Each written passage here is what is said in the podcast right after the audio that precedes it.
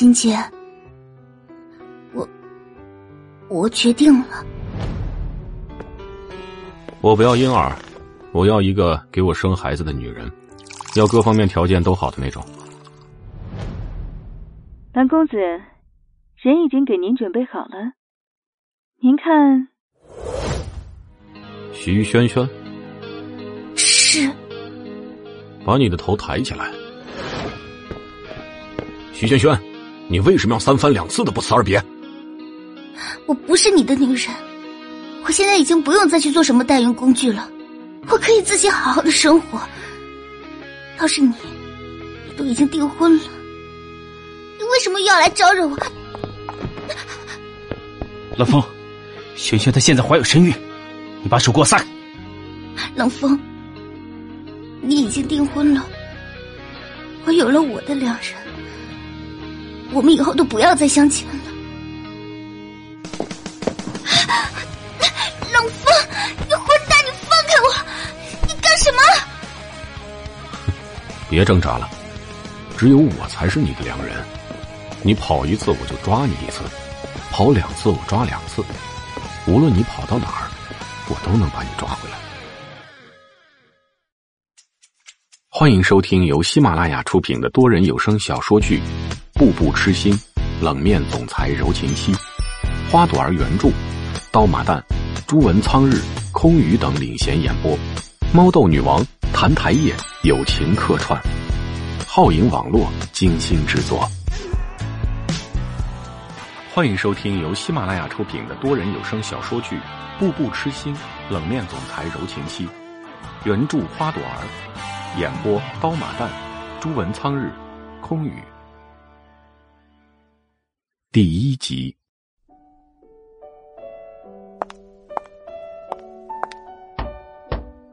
经过好几次挣扎，再一次想起自己那个还躺在医院病床上等着做手术的爷爷，徐轩轩终于鼓足了勇气，伸手敲响了面前紧闭的房门。请进。房间里响起了一道女子妩媚的声音。深吸一口气。徐萱萱推门而入，径直走到了一个随意坐在办公椅上、正在抽烟的女人面前。这个女人是凯爵会所经理，相传十年前，她还是这 Z 市最有名的花魁。随着时间推移，容颜褪却，如今她只能退居幕后，成为一个娱乐会所的经理。虽然如今她脸上也有了鱼尾纹。但却不难看出这女人年轻时的美丽。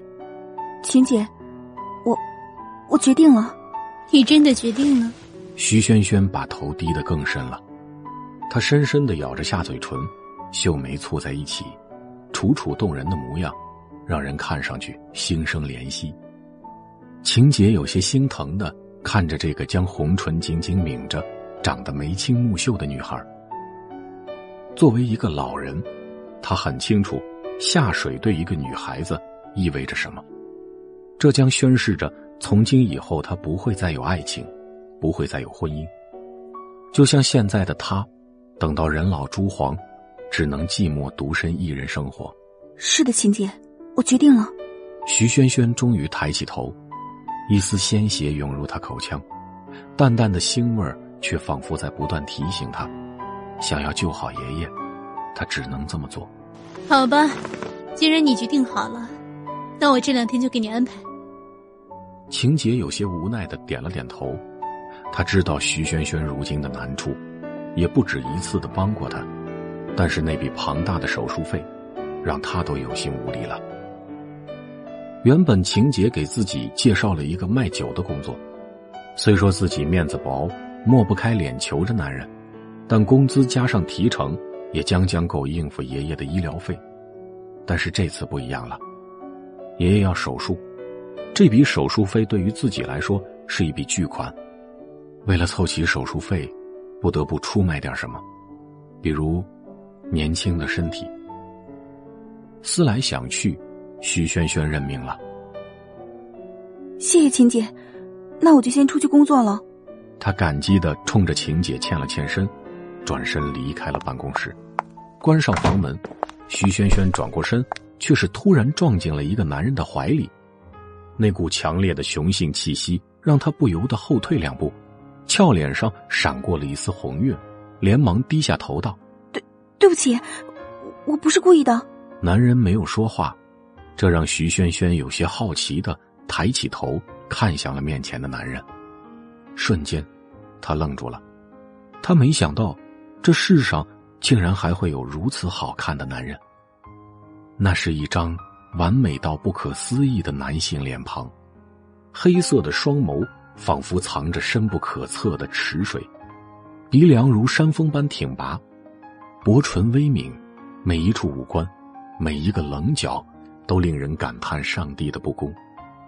只是那冰冷孤傲的眼睛仿佛没有焦距，深谙的眼底里充满了冰冷的意味，使他骨子里透着一股寒劲。让人忍不住想要退避三舍，冷风。下一刻，徐萱萱的脑袋里突然蹦出来这两个字。长时间在这家酒吧工作，因此也从那些姐妹的口中得知面前这个男人究竟是谁。他是 Z 市冷氏集团董事长冷风，商业界的风云人物，更是黑白两道通吃。只是因为这个人很冷，就如他的姓氏。冰冷的，没有一点人情味儿，似乎是从他那深邃的眸子里看出了一丝不耐。徐萱萱这才突然想起来，自己好像挡着他的路了，不敢迟疑，急忙闪身让开，局促的低着头站在一旁。重重的关门声在耳边炸响，徐萱萱这才后知后觉的抬头看去，可现在自己面前，哪儿还有刚才那个人的影子呢？虽然很冷，但这家伙长得倒是挺帅的。想起刚才自己那惊鸿一瞥，徐萱萱腹诽了一句，连忙转身离开这儿。徐萱萱，你要去工作，工作之后还得去医院照顾自己的爷爷，你可没有时间在这里犯花痴。哟，冷公子今天怎么有兴趣来找我这个半老徐娘啊？看到走进来的是冷风，晴姐的脸上立刻浮现出一抹微笑，将烟头掐灭，上前两步，栖身靠近了他。一笔生意，你做不做？冷风抬头淡淡的看着面前的晴姐，声音一如既往的冰冷。这得看是什么生意呀？要是看上了我们酒吧的头号花魁，那我可不能卖给你呀。晴姐似乎早已习惯了冷风的话少。和语气的冰冷，依然热情不减的开着玩笑。他知道，像冷风这样的人只是逢场作戏，永远不会爱上任何一个女人的。冷风眉头皱了皱，他不喜欢跟别人开玩笑，同样也不喜欢别人跟他开玩笑。但看在自己如今是有事情要找他帮忙的份上，还是忍下来开口说道：“我需要一个孩子。”孩子。晴姐的秀眉皱了起来，有些不解的盯着面前的冷风。你要孩子来我这做什么？莫非想要从黑市找贩卖的婴儿？冷公子，我这边虽说是地下，但也不敢这么嚣张。况且涉及到这种穷凶极恶的交易，我好歹也是一个女人，做不来。他掏出了一支烟，点燃。不过我这里虽然不能明目张胆的进行那种交易，吐出一个漂亮的烟圈，晴姐风韵犹存的媚眼一眨，但我这里有的是情报啊，想要什么，你尽管说，我可以给你打探，帮你搭桥，但感觉会所不会参与你们的交易就是了。我需要的就是你的情报。冷风知晓了晴姐的想法，打断了她的话：“我不要婴儿，要一个给我生孩子的女人，各方面条件都好的那种。毕竟将来那是我冷风的孩子，他必定要有强大的基因。”话音落下，冷风转身便打开房门走了出去。晴姐的眉头微微皱着，虽然她不知道冷风为什么会突然想要个孩子。但既然有钱赚，她不会推出去。自身条件好，学历高，还要干净，有代孕意向。除非缺钱，不然哪个干干净净的小姑娘会选择这么做呢？他忽然想到了一个人，似乎还符合冷风的要求呢。晴姐，有什么事吗？电话那头传来徐萱萱有些紧张的声音。难道这么快，晴姐就给自己安排好了，自己要开始下水了吗？是这样的，萱萱，现在有人需要一个女人给他生个孩子。如果是男孩，就会有三千万的补偿费；如果是女孩，也会有一千五百万的补偿费。我想了想，觉得你可以试一下。如果他选不上你，你在下水；如果要是选上了，那你也就不用下水了。电话那头的声音顿了顿，接着再响起来。虽然这样有点对不起自己的骨肉，但我想总比你下水要好吧。这个，徐萱萱沉默下来，仔细的思索片刻后，点头答应道：“好，那你准备准备，客人三天后会来选人。”晴姐挂断了电话，将徐萱萱资料拿出来，放在桌面上，掏出一支烟点燃。风韵犹在的女人倚靠在窗边，看着外面这个表面上只是一座娱乐会所的凯爵会所，通明的灯光。与漂浮着的欲望交相辉映，华丽的外表下暗流涌动，情报、信息，甚至极为隐晦的秘密，在这里都被标上了明码出售。所有白昼里见不得光的欲望，在这里，这个时候，则露出了本质一般张牙舞爪的模样。当徐萱萱结束酒吧的钟点工作，赶到医院的时候。已经是半夜的十一点钟，看着躺在床上依然昏迷、需要氧气管才能维持生命的爷爷，他的眼眶渐渐湿润。没想到有一天，他竟然会做以前自己最厌恶的事情，变成以前自己最讨厌的那种人。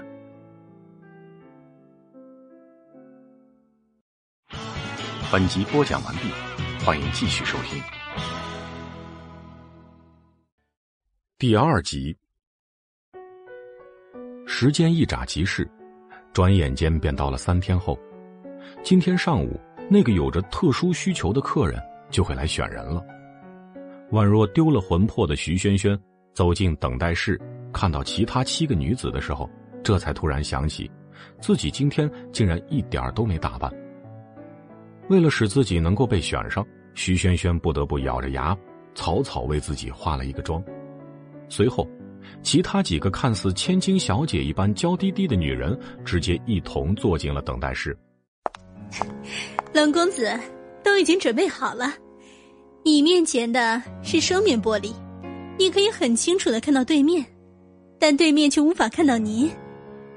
冷风刚一踏足凯旋会所的大门，晴姐便迎了上去，亲自将他带到了一个许久都未曾再开放的特殊房间。特殊的地方，就在于刚才晴姐说的那样，其实，这还是之前为了满足一些客人的特殊癖好而建立起来的，如今却是刚好用在了这个上面。没办法，谁让冷风要求不让被选之人见到他呢？对于晴姐如此精心的安排，冷风还是比较满意的，点了点头。好，这次符合我要求的，一共有多少个？八个，冷风的眉头皱了皱，他知道晴姐能力不俗，可是如今符合自己要求的却只找到了八个，这多少让他有些不满。八个就八个吧，开始吧。晴姐微微点头，低下头对着自己面前的桌子上话筒轻声喊道：“第一个，进来。”此时，徐萱萱所在的等待室。突然响起了晴姐的声音，接着，徐萱萱便看到了一个身穿白色连衣裙、打扮的金贵得体的女子站了起来，面带一抹自信的微笑，抬腿走进了特殊房间。而就在这个女子走进房间时，秦姐已经将她的资料放在冷风的面前。冷风只是随意的扫了一眼桌子上这女子的资料，便冲着身边的晴姐挥了挥手。秦姐很识趣的开口叫道：“下一个。”等待室里再次响起了秦姐的声音，而与此同时，之前走进去的那个女子一脸沮丧的走了出来。由此可见，她应该是失败了。坐在特殊室里的冷风，冷眼看着出现在自己对面的女子，只是淡淡的瞥了一眼，便直接对着身边的晴姐挥了挥手。晴姐也会意的开口叫下一个应选的女子。眨眼间，几乎是一分钟左右，已经有五个女子进去又出来了。看着等待室里的人越来越少，徐萱萱也是越发的紧张起来。她低着头，紧紧的咬着自己的下嘴唇，双手放在腿上，不安的纠缠着今天特意穿的淡蓝色连衣裙。下一个。冰冷的声音再次响起，徐萱萱抬头注视着第七个走进特殊房间的女子，还未等她低头，几乎就是那个女子刚走进去，晴姐的声音便再次响起来。下一个。徐萱萱身体骤然僵住，虽然已经在心里无数次的深呼吸，无数次的安慰自己，可是当她要进入这特殊的房间时，娇躯还是忍不住颤抖起来。下一个，晴姐的声音再次响起，徐萱萱这才回过神来，深吸了一口气，起身快步走向那特殊房间。玻璃，周围全是玻璃，他根本看不到谁在看着他，也无法看到那个人是如何看着他。这种不安让他深深的低下了头。把你的头抬起来。可就在此时。一道已经经过合音处理的声音，却是突然间响起来。坐在凳子上的徐萱萱娇躯再次一颤，随即紧咬着自己的嘴唇，缓缓抬起头，迷茫的看着面前的玻璃。看到对面的人，竟然就是之前敢挡着自己去路的女子。冷风先是愣了愣，旋即有些诧异的看向了身边的晴姐。不敢怠慢，青姐连忙将徐萱萱的资料放在冷风面前。低下头，仔细的读完徐萱萱的资料之后，冷风这才抬头看向就坐在自己对面却看不到自己的徐萱萱。当他看到徐萱萱那双迷茫的美眸时，他感觉到自己的心竟然被莫名的揪了一下。但当他看到那脸上浓浓的妆容后，他的脸色却是瞬间阴沉了下来。为什么要跟那些女人一样浓妆艳抹？他的声音似乎是质问，又似乎是低沉的咆哮。徐萱萱愣住了，难道这个客人不喜欢浓妆艳抹的女人吗？早知道这样，他也就不用忍着恶心化妆了。完了，这次算是完了。行了，你可以走了。听到扩音器里的话。徐萱萱有些无力的低头，果然如他所料，自己失败了。默默的退出特殊房间，徐萱萱如同游魂一般走进等待室。失败的下场他很清楚，意味着从此以后，他要跟晴姐一样，踏入这条终身都没有回头路的行业。冷公子，你看今天这八个，秦姐有些担忧的。看着此时脸色异常阴沉的冷风，说实话，他到现在都想不明白，为什么好好的他怎么会这么生气？难道真是因为徐萱萱吗？都不行，一个都不能让我满意，再给我找。冷风冷冷的丢下这句话，便起身离开了特殊房间。而当他走出去时，却是意外碰到了如同游魂般。从等待室里走出来的徐轩轩，感觉到自己撞到了东西，徐轩轩这才失神的回过神来，抬头看到的竟然是那个冷的仿佛是冰川一般的冷风，立刻后退两步，赶紧低下头道：“对，对不起，对不起。”你撞我两次了。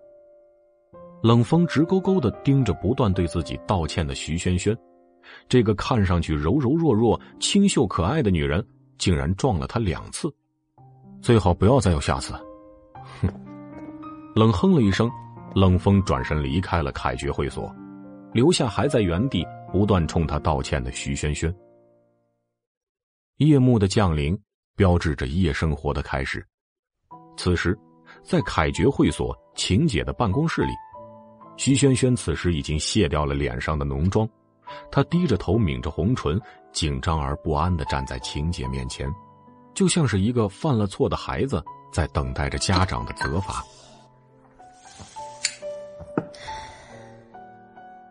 萱萱，你确定今晚就要开始下水吗？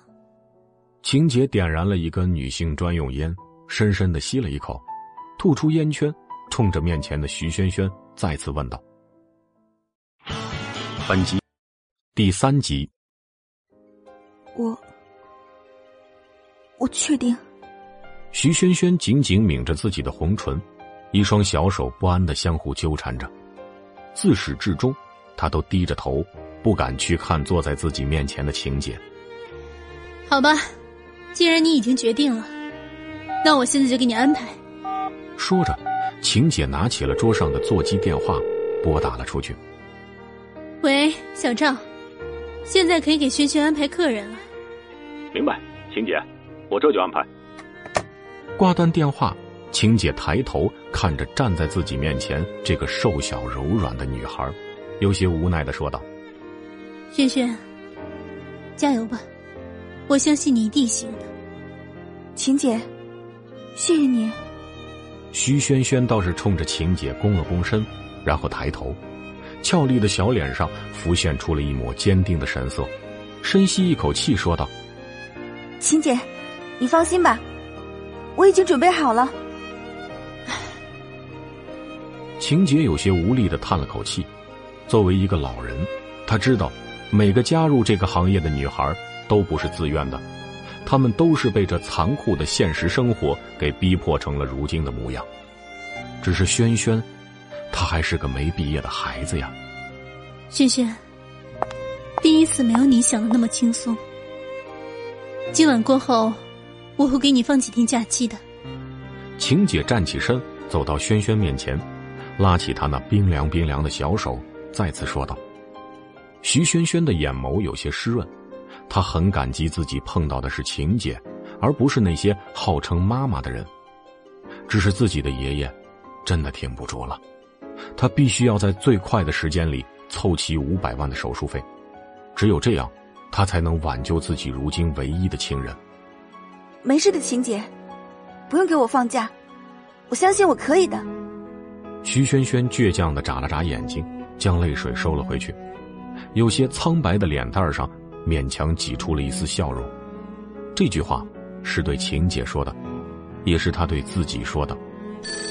此时，座机电话突然响起来。喂。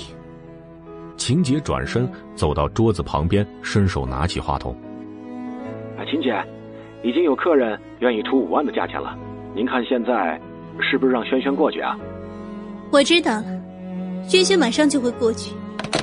挂断电话。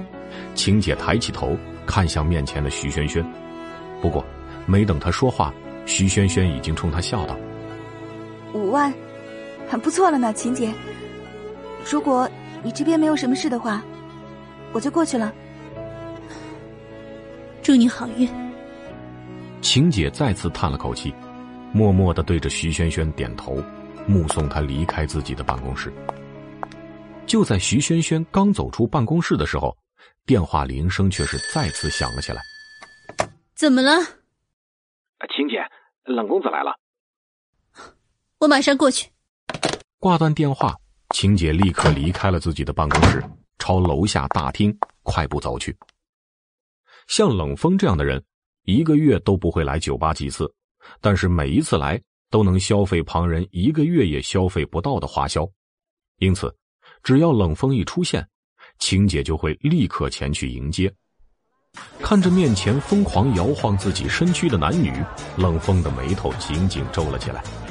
他的目光不断从这些人身上扫视着，企图再次看到那道在他脑海中挥之不去的身影。其实，今天自从冷风离开这儿回到公司之后，那道瘦小柔弱的身影和那迷茫又无助的眼神，便一直浮现在他脑海之中，再也挥之不去，让他一天都没有心情去工作。于是，一下班，他就立刻赶到这儿。离开办公室的徐轩轩，此时已经来到了一楼大厅，在小赵的吩咐下，他不安的朝着大厅中的一个角落走去。当他看到角落里那个满脸都是胡子拉碴的中年男子时，他突然后悔了，有一种想要逃跑的冲动。想起了医生对他的叮嘱和自己那个还未苏醒的爷爷，徐轩轩咬了咬牙，硬着头皮走到了中年男子面前，紧张的开口道：“请，请问你是王老板吗？”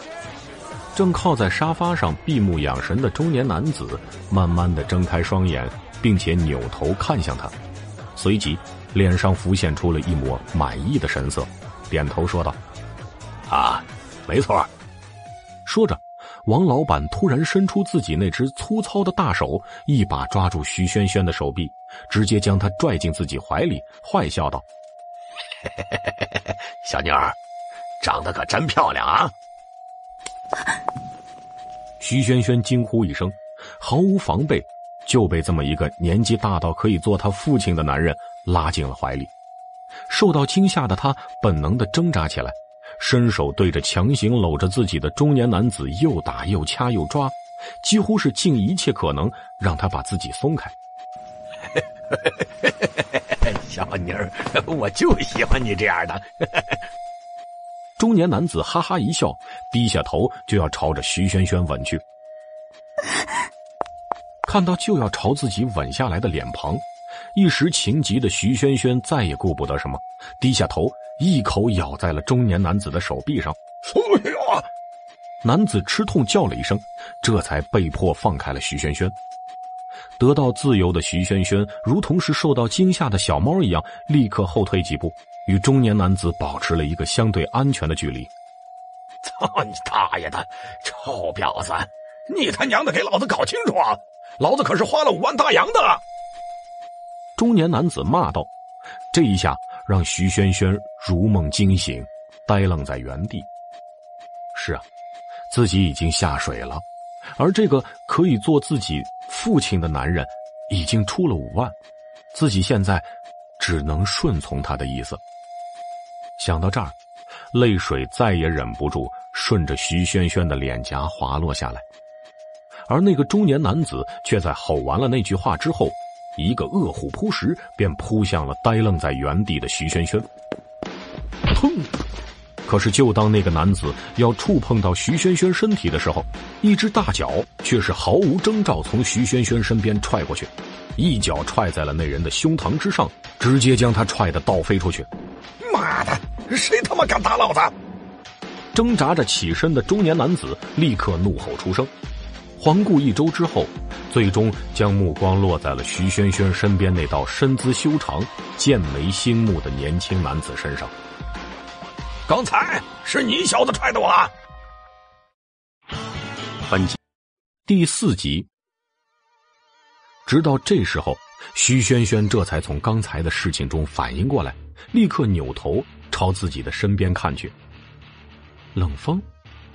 徐萱萱彻底傻眼了，她俏脸上浮现出了一抹震惊和诧异的神色，一双水灵灵的大眼睛在此时瞪得极大，完全不敢想，这个替自己出头的人，竟然会是那个冷氏集团的董事长冷风，号称 Z 市绝顶风云人物，相传他只要动动手指。就可以轻易的灭掉 Z 市的无数小企业，这样的男人竟然会给自己出头。徐萱萱感觉这是一场梦，她狠狠的伸手掐了一下自己的脸蛋儿，秀眉顿时就皱起来，好疼啊！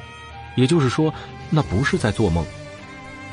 妈的，臭小子，老子就知道，谁他妈给你的勇气，竟然敢打老子！看到冷风非常利索的点头承认，中年男子顿时怒了，随手一捞，抄起了身边桌子上一个酒瓶便砸向了冷风那张英俊到有些邪性的脸庞。徐轩轩惊呼一声，下意识的伸手想要推开身边的冷风，可是无论他怎么用力，都推不动他。无奈之下，徐轩轩只好上前一步，挡在了冷风的面前，任由那中年男子手中的酒瓶落在他身上。一声脆响，徐轩轩眼前一黑，朝前倒去。冷风也没有想到，徐轩轩竟会站出来替自己挨那中年男子的一下。他回过神来的时候，徐萱萱已经倒在他怀里了。冷公子。而在这时候，从楼上赶下来迎接冷风的情姐，经过了一番寻找之后，这才在角落里找到了冷风，旋即快步走到他身边。萱萱他，直到他走到冷风身边，这才看到已经倒在他怀里昏迷过去的徐轩轩，当即就想开口询问，只是他话还没说完。就被冷风冷冷打断了，叫救护车。是我现在就叫。看到冷风此时那极度阴沉的脸色，晴姐有些害怕的咽了口唾沫。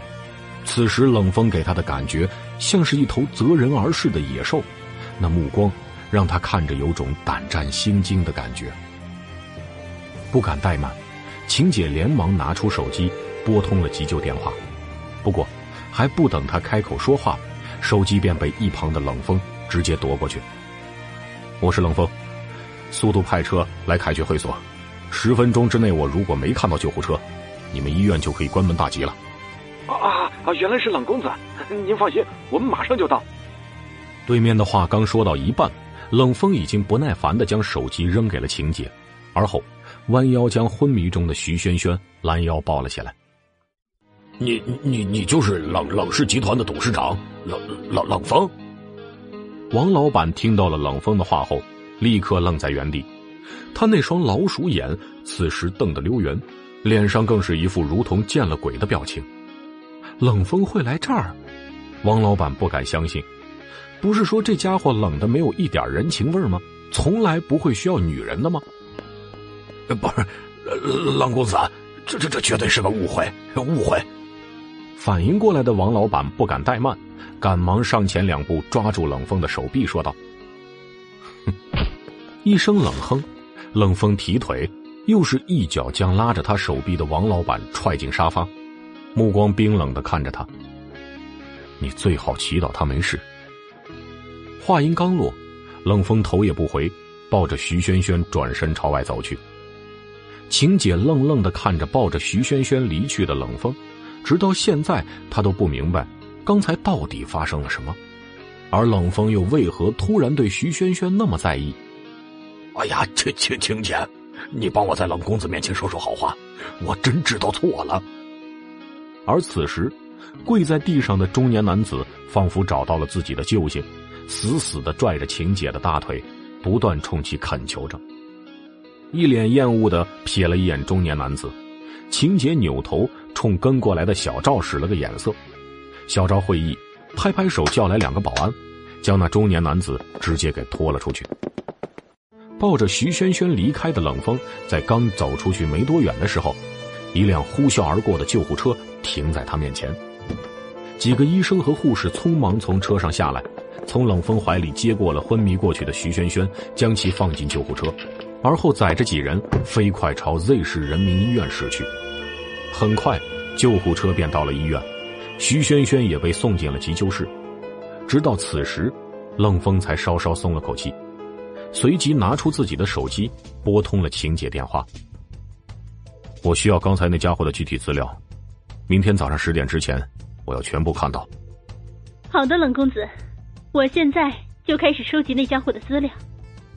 晴姐似乎早就知道冷风会向她要那人的资料，在其还没给他打电话的时候，他已经开始在收集和整理那人的资料了。作为 Z 市最大的情报收集处，可以说，晴姐掌握着许多商业人士的资料，这其中也包括了他们那些不为人知的秘辛。挂断电话之后，冷风这才无力的坐在了急救室外面长廊的板凳上。刚才酒吧的一幕不断浮现在他脑海中，他没想到，这个身材瘦小而柔弱的女孩竟然会挡在自己面前去挨那个男人的酒瓶子。说真的，这还是他冷风从小到大的第一次，站在别人的背后被人保护，而让他感到可笑的是，保护他的人，竟然还是一个还没有大学毕业，在他眼中只是一个小女孩的女人。半小时后，急救室的房门打开，冷风立刻站起来，阴沉着脸，语气有些着急的问道：“他有没有事？”啊，冷公子放心好了，这位小姐。没什么大碍，只是她身子比较虚，贫血，再加上最近呢劳累过度，才会昏迷过去。只要休养几天就可以出院了。医生此时也是松了口气，摘下口罩，擦了擦自己额头上的冷汗，对冷风说道：“他还真害怕这个女人会出现什么意外，到时候冷家公子要是把气撒在他身上，那他的医生生涯怕是就要到头了。”不过还好，这个女孩并无大碍。突然，冷风的嘴角勾起了一抹弧度，冰冷到没有任何情绪的声音从他口里吐了出来：“我要一份有关他身体的检查报告。”本集第五集。啊，是是是，呃，就是现在暂时还不能。在听到冷风的要求后。医生硬着头皮说道：“嗯。”冰冷的目光睥睨着面前的这个医生。呃，这个徐小姐暂时还没有醒，等徐小姐醒过来，我们马上就安排她进行一次全面的身体检查。医生的背后再次冒出了冷汗，见冷风似乎没有继续为难自己的意思，医生赶忙找个借口开溜。这座冰山。眼神可怕的，像是能杀死人。谁在哭？徐萱萱感觉到大脑昏昏沉沉，不知自己身处何地。爷爷，对不起。这声音不是自己吗？徐萱萱一惊，急忙抬起头来，面前悍然是惨白的病房，而孤零零的自己正趴在一张病床上面，周围没有医生。也没有护士，躺在病床上的是自己满病苍白的爷爷。爷爷那苍白的面容，在惨白色床单的映衬下，呈现出了一种病态的灰色，而自己手中正紧紧握着一只没有温度的粗糙大手。爷爷，你怎么了？徐萱萱想要说话，却发现自己发不出声音，也做不出任何的动作。突然间，爷爷脸上的氧气罩凝聚了一层白色雾水。徐萱萱只听到一声沉沉的叹息，随后，耳边传来刺耳的心率仪终止声。徐萱萱紧紧握着这只手掌，也缓缓的垂了下去。不要啊！徐萱萱拼命的想要嘶吼出来，四周却是依旧死一般的寂静。徐小姐，徐小姐。耳边似乎隐隐有声音传来，徐萱萱努力的睁大眼睛，发觉自己似乎是躺在一个房间里，眼前的人穿戴着白大褂和白色口罩，在确认自己已经醒了，便转身离开了他的视线。快通知冷先生，就说徐小姐已经醒了。四周的嘈杂声入耳，徐萱萱却像是没有听到一般的安静。似乎还没有从噩梦中回到现实，眨了眨眼睛，徐萱萱感觉到一股热流溢出了眼角，顺着面颊涓涓而下。再一摸脸，发现自己已经泪流满面。就在徐萱萱还在发呆的时候，目光所及之处却出现了一张绝美的脸庞。我刚刚好像挡在了这个人的前面，然后。替他挨了一酒瓶子，冷冷公子。徐萱萱有点不太相信自己的眼睛，自己虽然是奋不顾身的救了他，但是按理来说，这样的神坛传说般的存在，应该是不屑于跟他这种风月场所的女人扯上关系的吧？徐萱萱挣扎的坐起来，毕竟这样躺着也不是个事儿。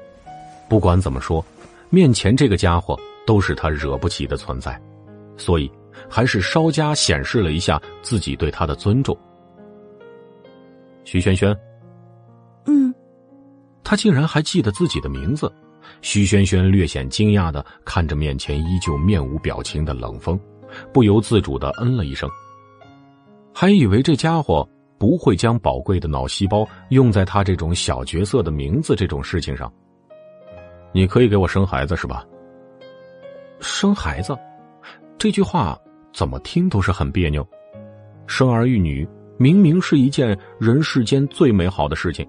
是两个长相厮守的人在爱情的催化下自然而然会产生的经历，但是此时，从这个男人嘴里说出来的，却好像只是一场交易，没有任何情感成分的交易。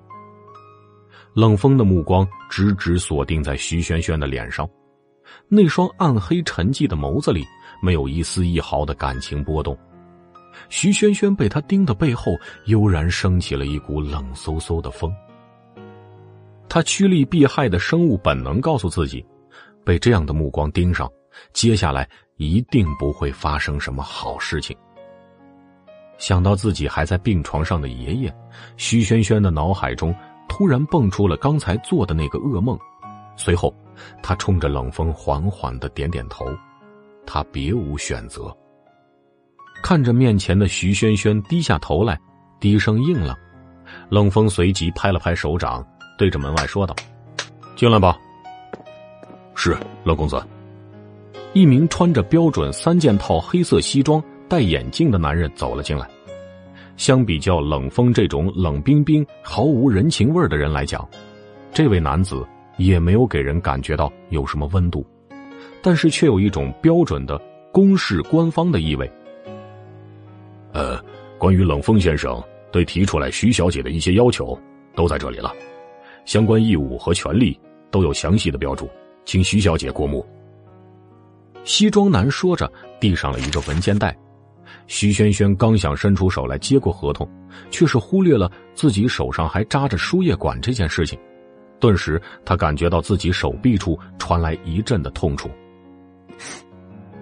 徐萱萱急忙缩回手来，手背上的胶布下隐隐渗出鲜红的血液来。见到这一幕。冷风皱了一下眉，随即便隐隐露出了不耐烦的神色。西装男用余光瞥到了身边这个男人细微的表情变化，不动声色的把文件袋打开，取出来放在徐萱萱病床上。徐小姐，请您先过目，我去替您找医生过来。徐萱萱忙不迭的用另一只手接过西装男手中的合同，翻看起来。如果没有什么疑问的话，签字就可以了。留下这句话，西装男悄无声息的转身离开病房。他一边向护士站走去，一边在心中暗暗的替徐萱萱捏了一把汗。当冷风露出不耐烦的表情，就意味着有人会遭殃。所以，自己出来找医生真的是很明智的选择。看着合同的徐萱萱不知道该怎么表达自己的心情。这一份合同。条条规定总结起来，就是之前情节和自己说过的：三千万的儿子和一千五百万的女儿，骨肉交易。义务方面，第一条，甲方有义务在乙方怀孕期间做好一系列的安全保护以及营养搭配；第二条，乙方有义务在怀孕期间终止一切在外活动，服从甲方安排。责任方面，第二十二条。在孩子生下来之后，乙方有三个月的调养时间，结束后合同终止，双方不得有任何交集，乙方不得以任何借口威胁甲方索要孩子，最后落款。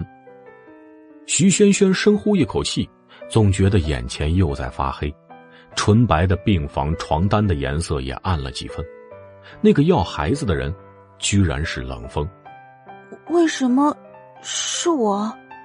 徐萱萱不理解，虽然明白了冷风是怎么做到准确无误喊出自己名字的，那个时候他一定是看了晴姐交给他的资料，但是在那个时候，在那个房间里面，冷风不是狠狠的拒绝了吗？为什么转眼自己又被选上了呢？冷风的眉头皱了起来，冰冷的声音像是能够浸透骨髓，看样子是忍耐到了极限。你签还是不签？本集第六集，徐轩轩被这冰冷的声音吓得一哆嗦，赶紧闭上嘴巴，生怕再说出什么能够惹恼他的话来。面前这个男人，就像是无边深渊中蛰伏着的野兽一般的可怖。若是有人胆敢踏入他的领地，那就是死。就在病房内的温度即将降到冰点的时候，病房的门被推开了。西装男身后跟着两个身穿白大褂的女人，看样子是医院的护士。徐轩轩对这三人投去了千恩万谢的目光，要不是这三个人及时进来，恐怕自己早就在冷风的威压之下变成了一只瑟瑟发抖的小白兔了吧。抬手看了一眼腕表，冷风面无表情的转过头对西装男说道：“看好这家伙，签好合同。”直接送到公司，转身走出病房。时间宝贵，要不是孩子很重要，让自己在这儿处理一个白痴女人的事情，实在是不能忍受。徐轩轩不敢抬头看冷风，一直装作低头看合同的模样，用余光瞟着他。见他终于出门，他这才松了一口气。护士模样的人将徐轩轩的右手抬起，皱了皱眉。怎么这么不小心啊！他麻利的撕下了徐轩轩手背上的白色胶布，嗔怪道：“你看，都跑夜了。”徐轩轩看着自己肿胀的右手，对着护士歉然一笑，便继续看起了合同。西装男推了推眼镜看了一眼徐轩轩，没有说话。一条一条看下去，字里行间毫无人情味的，叫徐轩轩的血液都要凝固了。心底有一个歇斯底里的声音在哀求他：“拒绝，不要让自己堕入深渊。”西装男看着徐萱萱的脸色越来越难看，从他苍白的脸色上可以看出他在做着多大的心理斗争。你爷爷是在住院吧？徐萱萱捏住合同的手不由得一震。希望你能做出最好的选择。西装男习惯性的推了推眼镜。关于徐萱萱的资料，自己也就是顺带的查了一下，只不过冷风还没有详细追究。徐萱萱点点头，目光中满是柔弱迷茫。右手已经被重新扎好针，他便抬起左手握着笔，总觉得签字的时候整个手臂都毫无力气。虽然是左手，但是徐轩轩还是一笔一画的认认真真签下了自己的名字，羁绊。便是这样成型。啊，那么祝你们合作愉快。西装男接过合同，顺带着从自己的口袋里掏出了一张名片。顺带一提，我是冷风的律师江南。江律师好，我是徐萱萱。说完，徐萱萱就忍不住脸红了。对方当然知道自己叫什么，毕竟这份合同。貌似就是他按照冷风的意思拟出来的，而且不管是对于冷风还是江南，他们对自己的第一印象只能是卖身求荣的风尘女子。啊，那么我去处理公事了，还请徐小姐好好休息，我会定期来看你的。江南这么说，留意到病床上的人一丝局促，很快就想到了徐萱萱脸红什么，如此天真。也许就是为什么冷风会选择他的原因。好的，徐萱萱回答道，收好了名片，顺带眼熟了一下江南的样子，就不由得感慨了一下：不愧是跟着冷风总裁做事的人，一看就知道是精明能干、毫不吃亏的类型。顺带我要友情的提醒一下，也是在强调一下关于合约上面最重要的一条。江南的语气。很是认真，甚至有一点警告的意思。请徐小姐千万不要投入感情，所有的一切终止于您生下孩子的第三个月。好，我知道了。徐萱萱被江南异常严肃的表情怔住了，继而点头表示自己了解。投入感情，徐萱萱敢肯定自己绝对没有，至少现在没有。他对于自己要买卖骨肉这件事情，本来就很唾弃，如果不是逼不得已，他一定会拒绝的。徐萱萱现在对于上层社会的世界观很不理解，生命也是可以用来买卖的吗？关上病房的门，拐过了一个拐角，江南拨通了电话，还未说话，电话那边传来梁博的声音：“他签字了吗？”“啊，好，他体检报告出来的时候给我一份。”“啊，好的。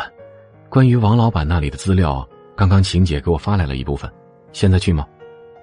想起那个胡子拉碴的中年男子，电话这头的冷风瞬间拉下脸来。回了一个表示肯定的单音节，便挂断了电话。这边等到屋子里边一个人都没有了，徐萱萱这才四周打量起来。床头柜上放着一篮子鲜花，墨绿的花泥砖上插着百合，还有两朵玫瑰，各种互生的绿叶拥簇着点缀一把满天星。篮筐一圈还编上了雏菊。自己住着的病房。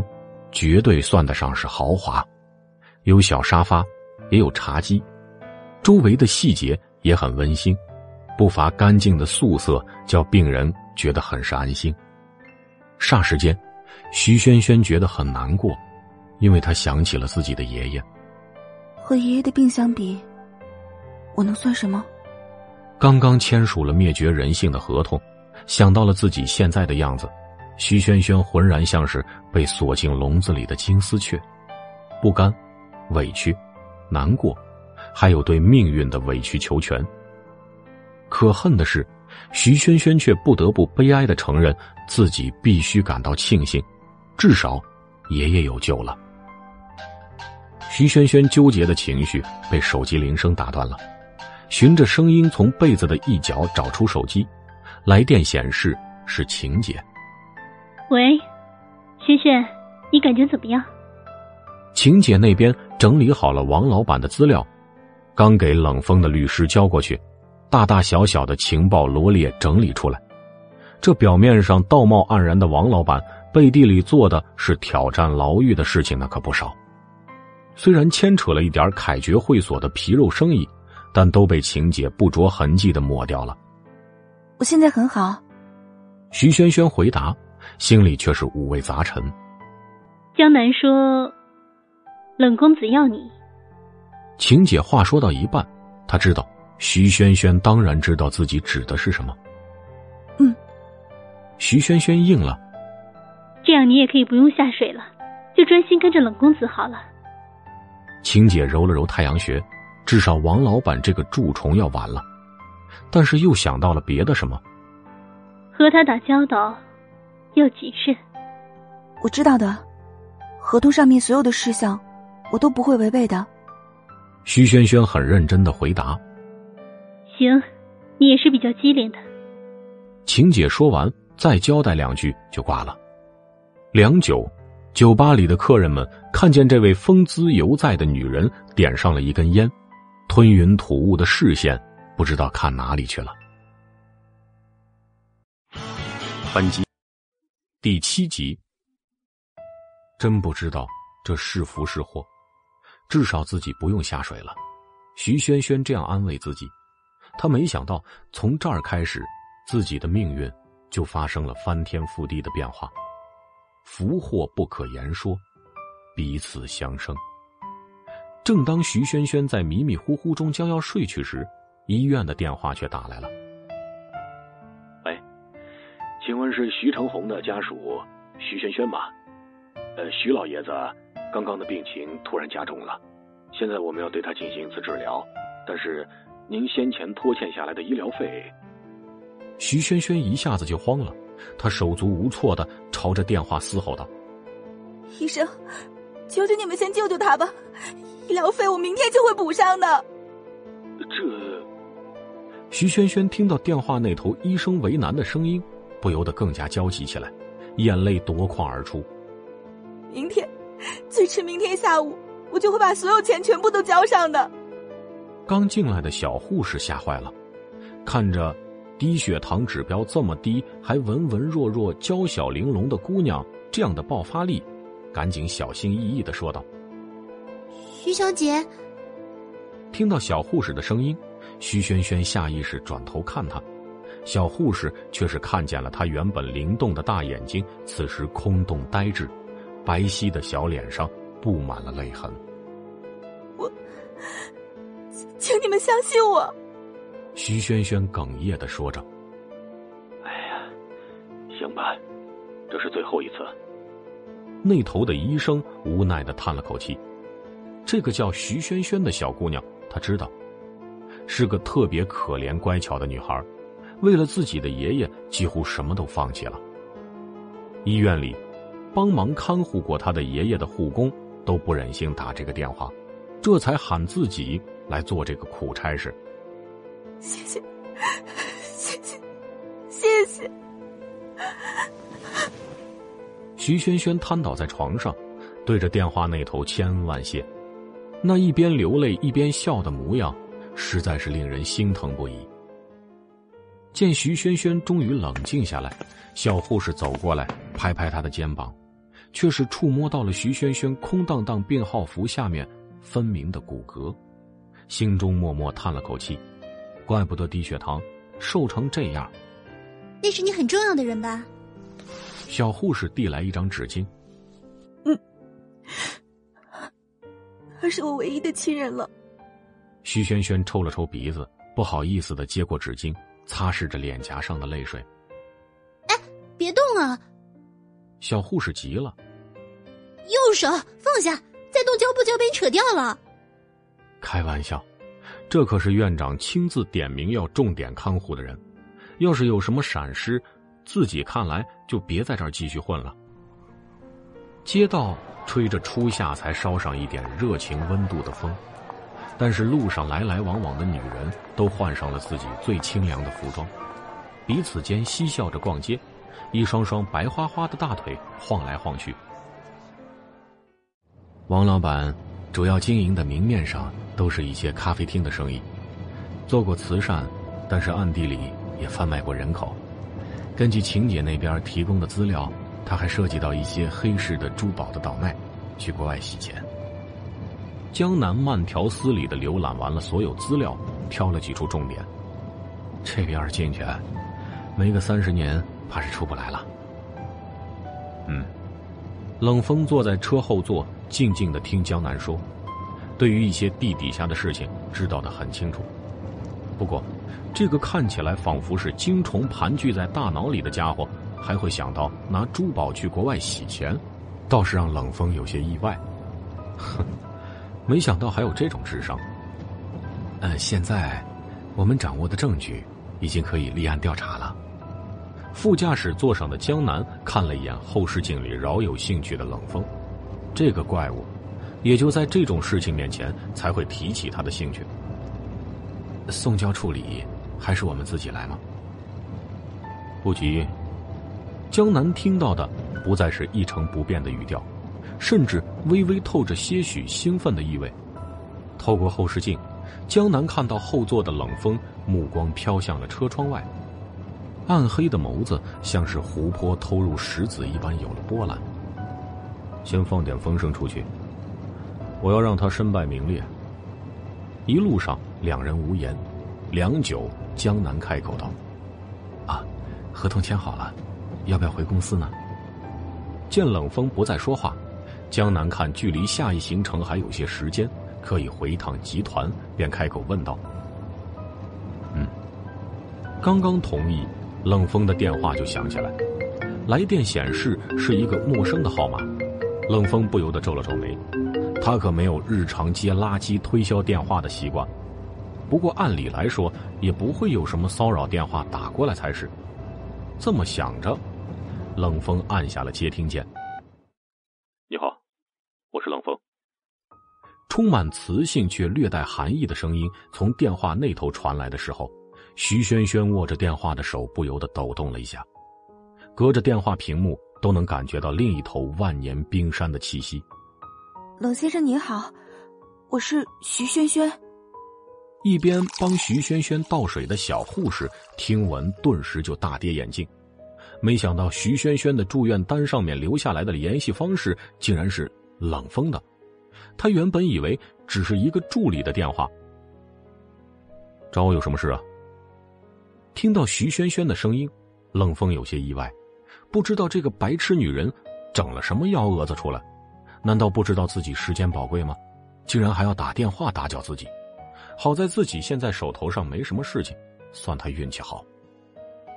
深呼吸一口气，徐萱萱鼓足了小半辈子的勇气，终于开口说道：“我什么时候可以拿到那一部分的补偿费？”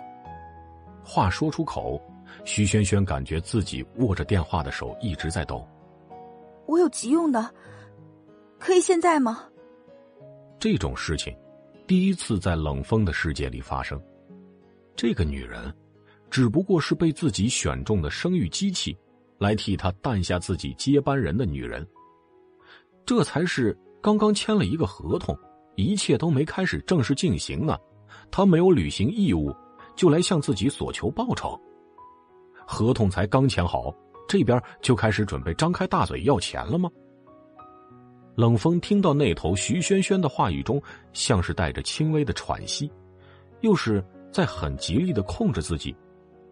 现实情况，徐萱萱也确实紧张，死死扣住床单的左手指节惨白。不可以，冷风淡淡的答道。电话那头的徐萱萱虽说做好了心理准备，听到这几个令人绝望的字后，还是没控制住的流下了眼泪。他呆坐在床上，心中最后一丝希望破灭了。车上。江南见冷风接了电话之后，整个人周身开始散发冰冷的气息，没忍住问道：“怎么了？”冷风目视前方，毫无感情的吐出几个字：“ 那个家伙问我要补偿费。”这女人脑子里进大炮了吗？江南的大脑中第一时间冒出了这样的想法。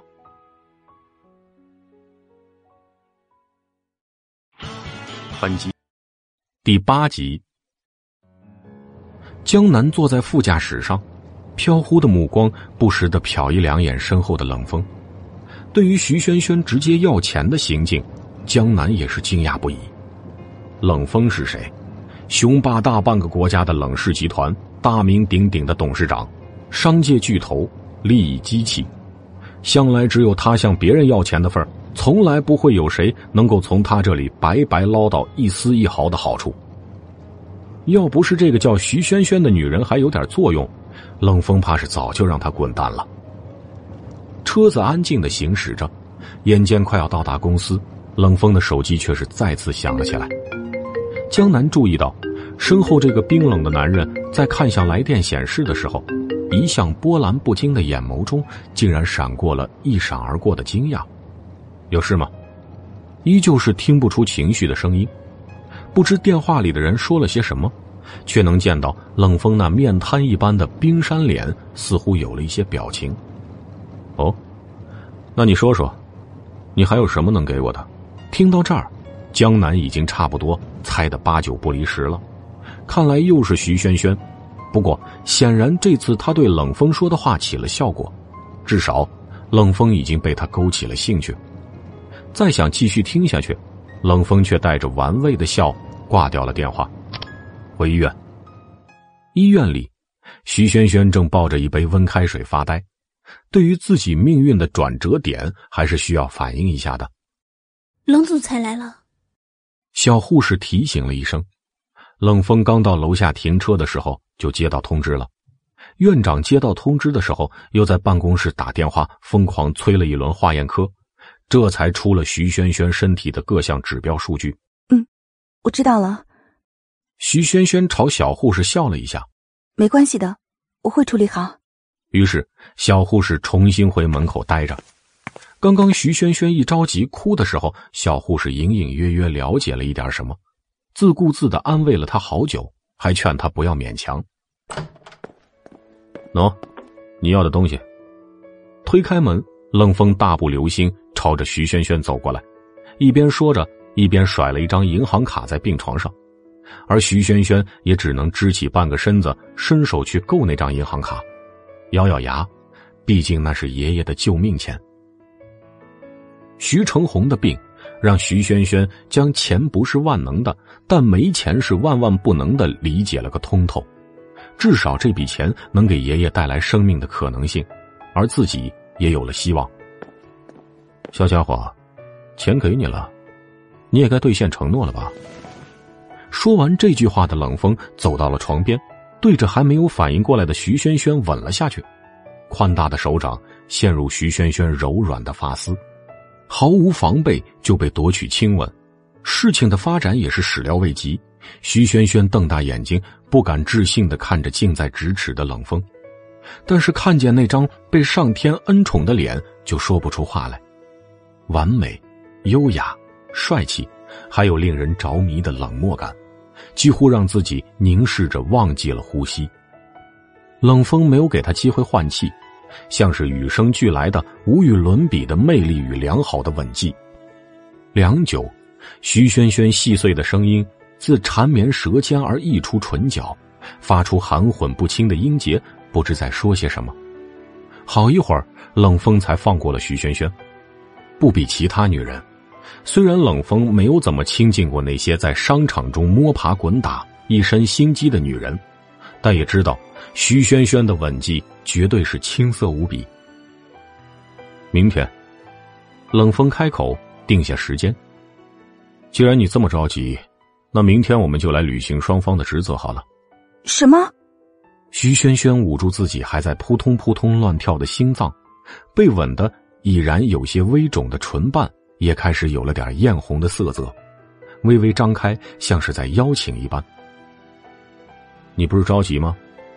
冷风挑眉，重复了一遍自己的话，不过这让他很不耐烦。既然这样，你明天就搬到冷宅去住好了。这下倒是让徐萱萱局促起来。虽然知道自己总有这么一天，但是没想到这么快。捏紧了被单下面的床单，说道：“可不可以再给我一点时间？”冷风没有说话，空气凝固了一般，叫徐萱萱连呼吸都很困难。到目前为止，他已经有将近二十多个小时没有去看爷爷了。而这二十多个小时，徐萱萱几乎一直和这个传奇人物待在一起，签下了毫无人道的合同，出卖骨肉。嗯，打扰一下。站在门口的小护士敲了敲门，走进来说道：“冷总裁，你要的东西刚刚许医生给准备好了。”许医生就是那个接到冷风威胁电话。让准备手术，还有徐萱萱身体各项指标资料的全国闻名的外科专家，被打断自己和徐萱萱的交流，冷风明显有一些不满。原本这些东西是可以直接交给助理或者江南，但是一个在处理公务，江南也刚刚被自己派走了。好，只是皱眉就让小护士识趣的退了下去。毕竟能够被选出来照顾这样的大人物，都是有着非凡的眼力的。我还要处理一点事情。徐萱萱刚抬头，就对上了冷风的目光，那双像是含着天山万年不会消融的冰雪般的黑色眼瞳，总叫徐萱萱觉得自己一个不注意，也会像是陷入秋水潭一样陷进去。接着说。冷风的目光藏着无边的深渊。合同上说，我在履行责任期间要住在冷宅，不然就是在学校。可是我毕竟原来是有自己的生活的，总有一些东西要去处理。几乎也在同一瞬间，徐萱萱将自己的视线移到了别的地方。原本的生活。徐萱萱用力点头，从牙缝里边一字一句吐出了四言。三天，请你给我三天，我一定会把原来的生活处理好，然后跟你履行合同。这三天自己一定要去陪爷爷，医院的医药费不能再拖欠了，也要去感谢一下晴姐，毕竟自己这段时间也受到了她的不少照顾。至于自己，自己也准备好了，去面对这个难以承受的交易。三天。冷风答应了，没有一点的情绪波动，开口说道：“好好和你的过去世界告别吧。”说罢，冷风正眼都没有看一下徐萱萱就离开了。徐萱萱松了一口气，靠在医院病床上的枕头上发呆。不知为何，自己用冰凉的指尖碰了碰嘴唇，而另一只手紧紧的捏着那张银行卡。初夏的阳光透过纱窗照进来，窗外染上翠色的葳蕤树枝被阳光切割下几缕绿色，混着油油的阳光，透过薄薄的白色纱窗帘，落在地上，变成淡绿。刚刚自己的初吻好像没有了，被亲吻的时候，徐萱萱一点也不觉得面前这座冰山有什么火热的情绪，相反，那凉薄的唇。甚至一度让徐萱萱觉得，冷风似乎是一个冷血的动物。徐萱萱漂亮的眼睛里满是迷茫。该告别过去了。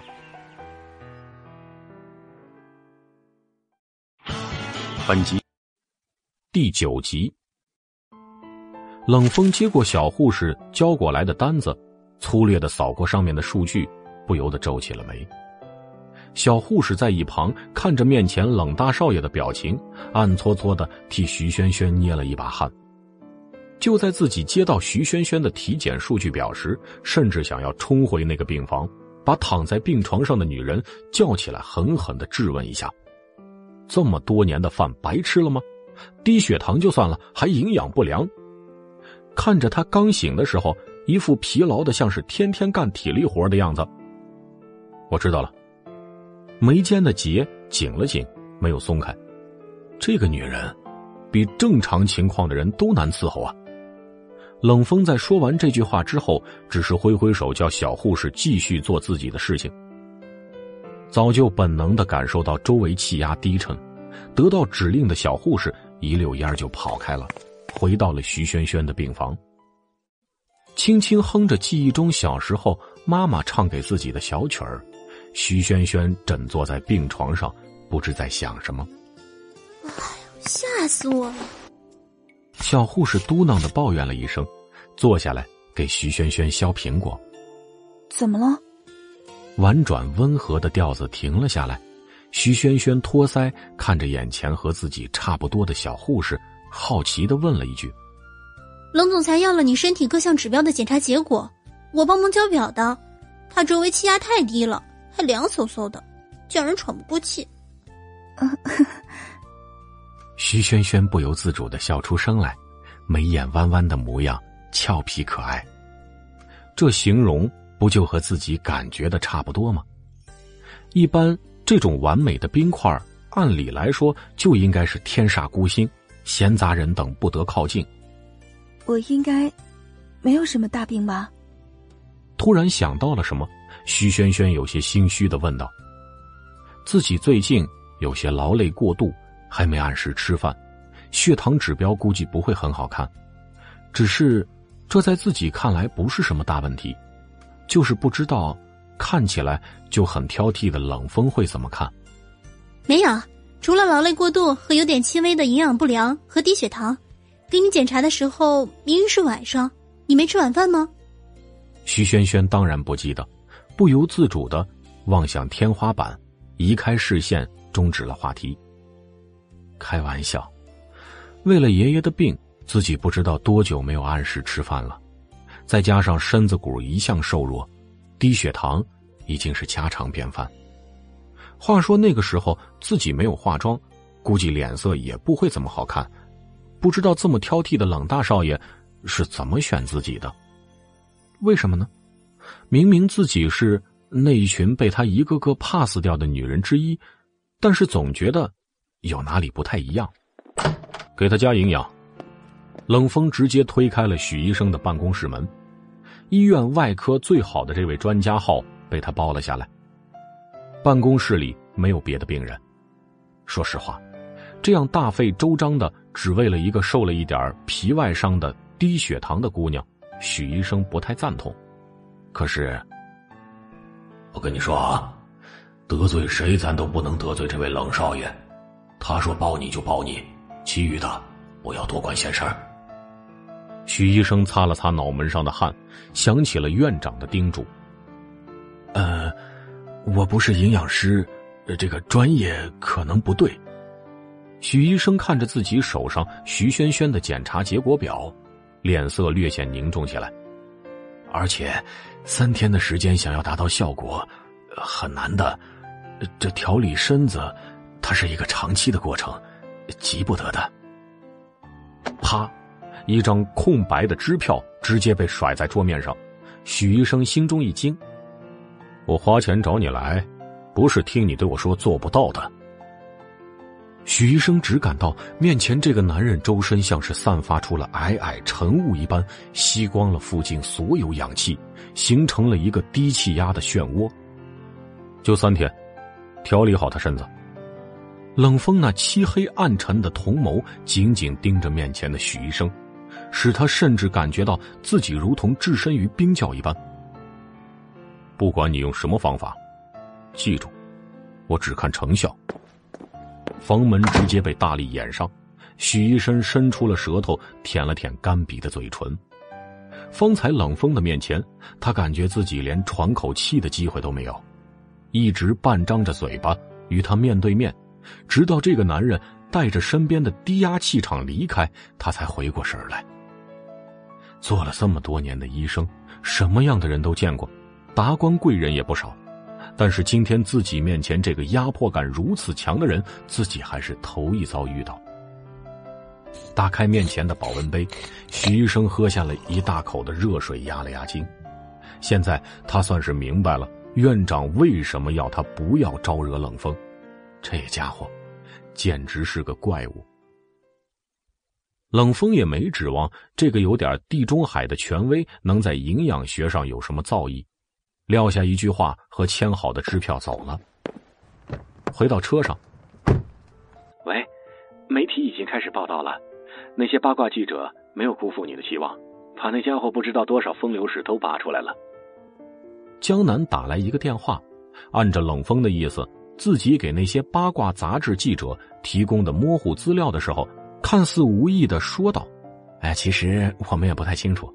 要是能有什么有趣的发现，就随便写吧。”从字面意思上嗅到了火药味道，想象力丰富的一群八卦记者们都了然于胸。嗯，那就行。随意翻看了一下几个很热门的社交工具，绑定的附加新闻报道头条上足够吸睛的标题，让自己很满意。你顺带把徐萱萱的生活学习资料，包括她的社交关系，都给我整理一份，越详细越好。江南皱了皱眉，看向自己办公桌上两份文件，其中一份是自己在冷风那次急急忙忙下班赶去凯爵会所时，自己注意到他对于这个姑娘感兴趣收集的，而另一份是晴姐那边和王老板的资料。一起顺带送过来的。略微犹豫了一下，江南重新拿起电话。冷风这边的事务有条不紊的继续着，而在王德瑞这边，一切却是杂乱无章。要是一个人平时安分守己，偶尔花天酒地一下，再被报道的时候，记者还会有些犯难。毕竟上流社会有几个成功一点的男人没找过小姐呀？如今。大众娱乐的时候，都是想要看到一些劲爆刺激的事情，最好还要天理沦丧的故事情节来刺激一下他们的正义心，而这些故事就是要记者自己来编造。本集第十集，但是王德瑞这个人身上却是很有爆点，这还得亏了他自己死皮赖脸、用尽手段娶回来的老婆。那是当红的小花旦，仗着自己在娱乐圈有几个狐朋狗友，再加上洗回来的钱，让有色心更有豹子胆的王德瑞在娱乐圈里兴风作浪、胡作非为。可惜这个人手段确实极其高明，办事情留下来的封口费一分不少，聘请的几个公关能力也不是盖的。他也有这一天呢。说这句话的。正是此时，刚刚捏紧手机，一字一句看着头条新闻的王德瑞的老婆，也是当红的花旦阮景玉。这下子有好戏看了。阮景玉心情十分愉悦，看着报道上如何描述自己当初惨绝人寰遭遇的经历，早就已经掀不起什么情绪波动。解恨的大笑之后，又仿佛嘲讽一样的哼了一声。他一直在赌，赌那个糟老头迟早有一天会踢到一块钢板。很明显，他赌对了。既然这样，自然要狠狠的抓住这次机会。阮景玉慢慢悠悠的接了快要被经纪人打爆的电话，瞬间就披上了一层伪装，断断续续的回答了对方一连串和炮轰差不多的质问。几个回合下来，阮景玉的经纪人就觉得自己像是一个罪人。说到底，伤害的是阮景玉，这样一个单纯还命途多舛的女孩。徐萱萱的手机。不能算是现代化高科技的智能手机，就是个触屏滑盖而他自己好久都没有上网了，自然没有第一时间得知王老板此刻是怎样的光景。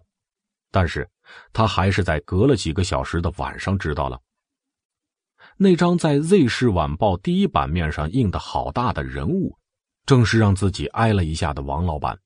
标题是“中年大叔猥亵多名女明星”。现在的姑娘都好这口。徐萱萱看见这个标题的时候，拿着报纸的手颤抖了一下，手心都攥出了汗来。为什么自己会有买晚报的习惯呢？因为爷爷喜欢看晚报，只是老人家在重病之后，就一直都是由孙女买了读给他听的。徐萱萱看着标题后面还用特大的字体加粗，恨不得打上重号的“女明星”三个字。一时之间不知道发生了什么事情。不，不是的，怎么可能？再说，我也不是什么女明星啊。徐萱萱暗想，赶紧读了起来。这一下倒是愣住了，通篇都是有关王德瑞和各种女明星皮肉、金钱生意的报道。徐萱萱很是惊讶，这算什么呀？天道好轮回吗？虽然说自己知道王老板不能是什么好人，但是没想到他的报应竟然这么快就有了，这也太赶巧了吧？莫不是冷风做了什么手脚吗？顿时，徐萱萱的面前出现了冷风那张绝美却又冰冷的容颜，用力的摇了摇头，示意自己清醒一些。怎么可能啊？这个人一向是以自己的利益为重啊！虽然说昨天自己自以为是的替冷风挡了那么一下，但是这远远不足以使这个面瘫的冰山怪物为自己出气吧。冷公子不开心，随便说几句话就能报复来的，自己应该只是从小家教良好的冷风，不想背负忽然而来的罪恶感，顺手满足一下的对象。瞬间被自己点通的徐萱萱说不上自己现在的心情。不管了。只要爷爷没有可能看到自己现在窘迫的处境，也永远不会知道自己和那位女星杀手有这样一个意外就可以了。说起来，爷爷现在怎么样了呢？徐萱萱好看的眉毛皱了起来，自己担心什么呢？爷爷还躺在病床上睡着呢，除了自己，也没人给他读新闻。徐萱萱小姐，您现在应该可以出院了。忽然，一个男子推开了病房的门，徐萱萱并不认识。见徐萱萱僵住，那位男子又补充了一句：“相关手续董事长已经帮您处理好了，当然，你也可以选择再留下来看护一晚。”他一刻都不想留。我现在走的话，可以回去吗？想到自己现在的处境，按照合同。相当于徐萱萱的人身自由权有一半在冷风的手中，要是自己乱跑，怕是不会有什么好结果。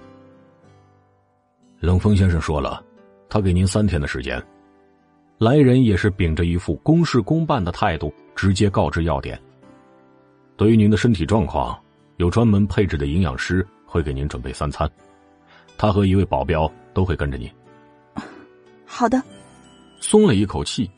看来刚刚冷风答应自己的事情没有反悔，只是原来形单影只的徐萱萱突然要多了两个人跟着，还有点不习惯。营养师是一个三十岁左右的女人，她说自己叫周琼，而那个保镖则是一句话都没说，安安静静的在一边履行自己的本分。那个，我能请你帮个忙吗？周琼给徐萱萱感觉上很和善。我有一个爷爷，他在住院。你希望我帮他也加加营养？周琼笑了笑，猜出了徐萱萱想要说什么。嗯，只是他病得好重。一想起爷爷躺在病床上输氧气的样子，徐萱萱就觉得鼻尖发酸。但是他一直在昏迷，明明没有什么运动消耗，还是渐渐的消瘦下去了。周琼听到这儿，忍不住叹了口气。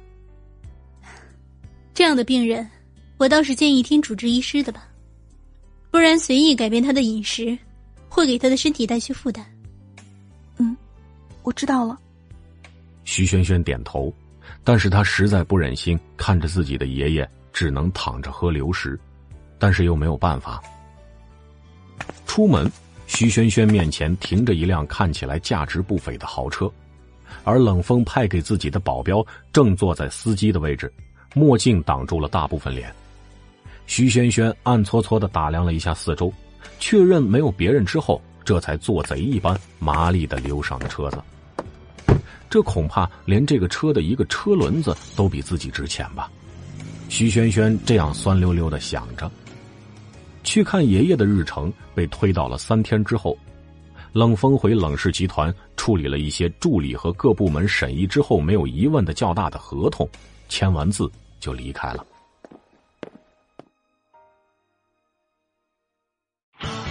本集。第十一集。哎，你发现没有？董事长最近好像很喜欢往外跑呢。啊，是啊是啊，不会是有小情人了吧？哎，你别乱说，没看见我们董事长一直都是守身如玉、不食人间烟火的吗？所以这一次猝然而来的爱情一定异常热烈。几个八卦的女职工聚在一起，叽叽喳喳的讨论着什么。现在距离下班还有二十分钟时间，这时候江南出现了，干咳一声，象征性的咳嗽，警告一下。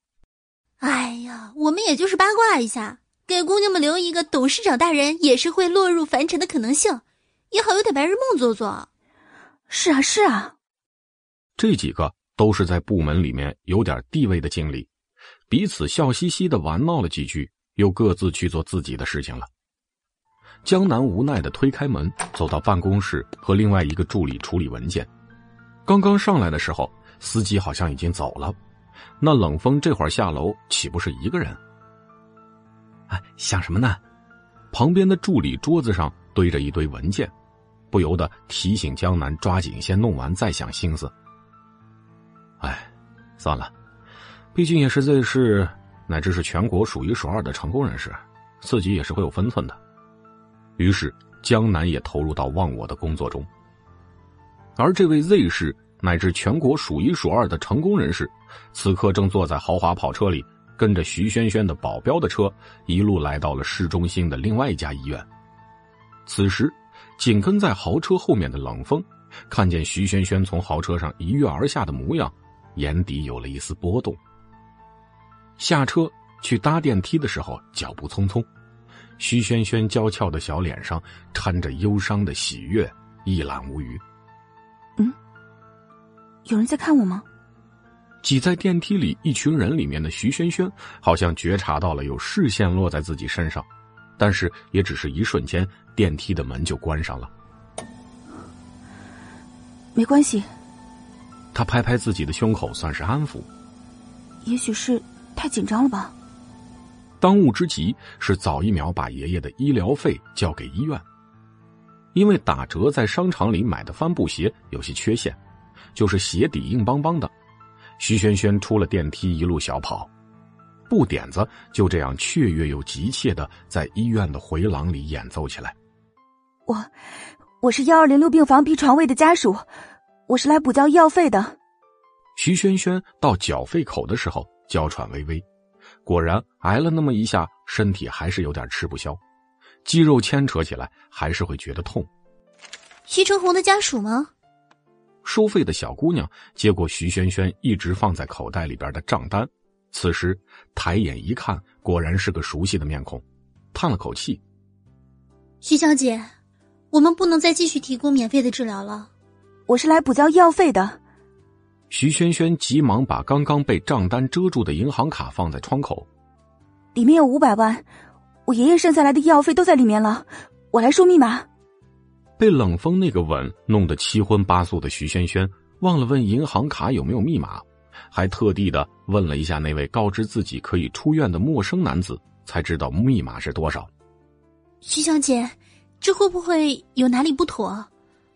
缴费窗口的小姑娘刷上银行卡，有点不敢置信。这个前一段时间还不断朝自己低头说抱歉，再延迟一段时间的姑娘。此刻居然能拿出一张五百万的银行卡，买彩票中奖了吗？徐萱萱输入的密码没有错误，小姑娘不由得猜测，眼前瘦弱的女孩是用怎样的方法拿到这么一大笔钱的？我，这钱不会有问题的，请你们一定要照顾好我的爷爷。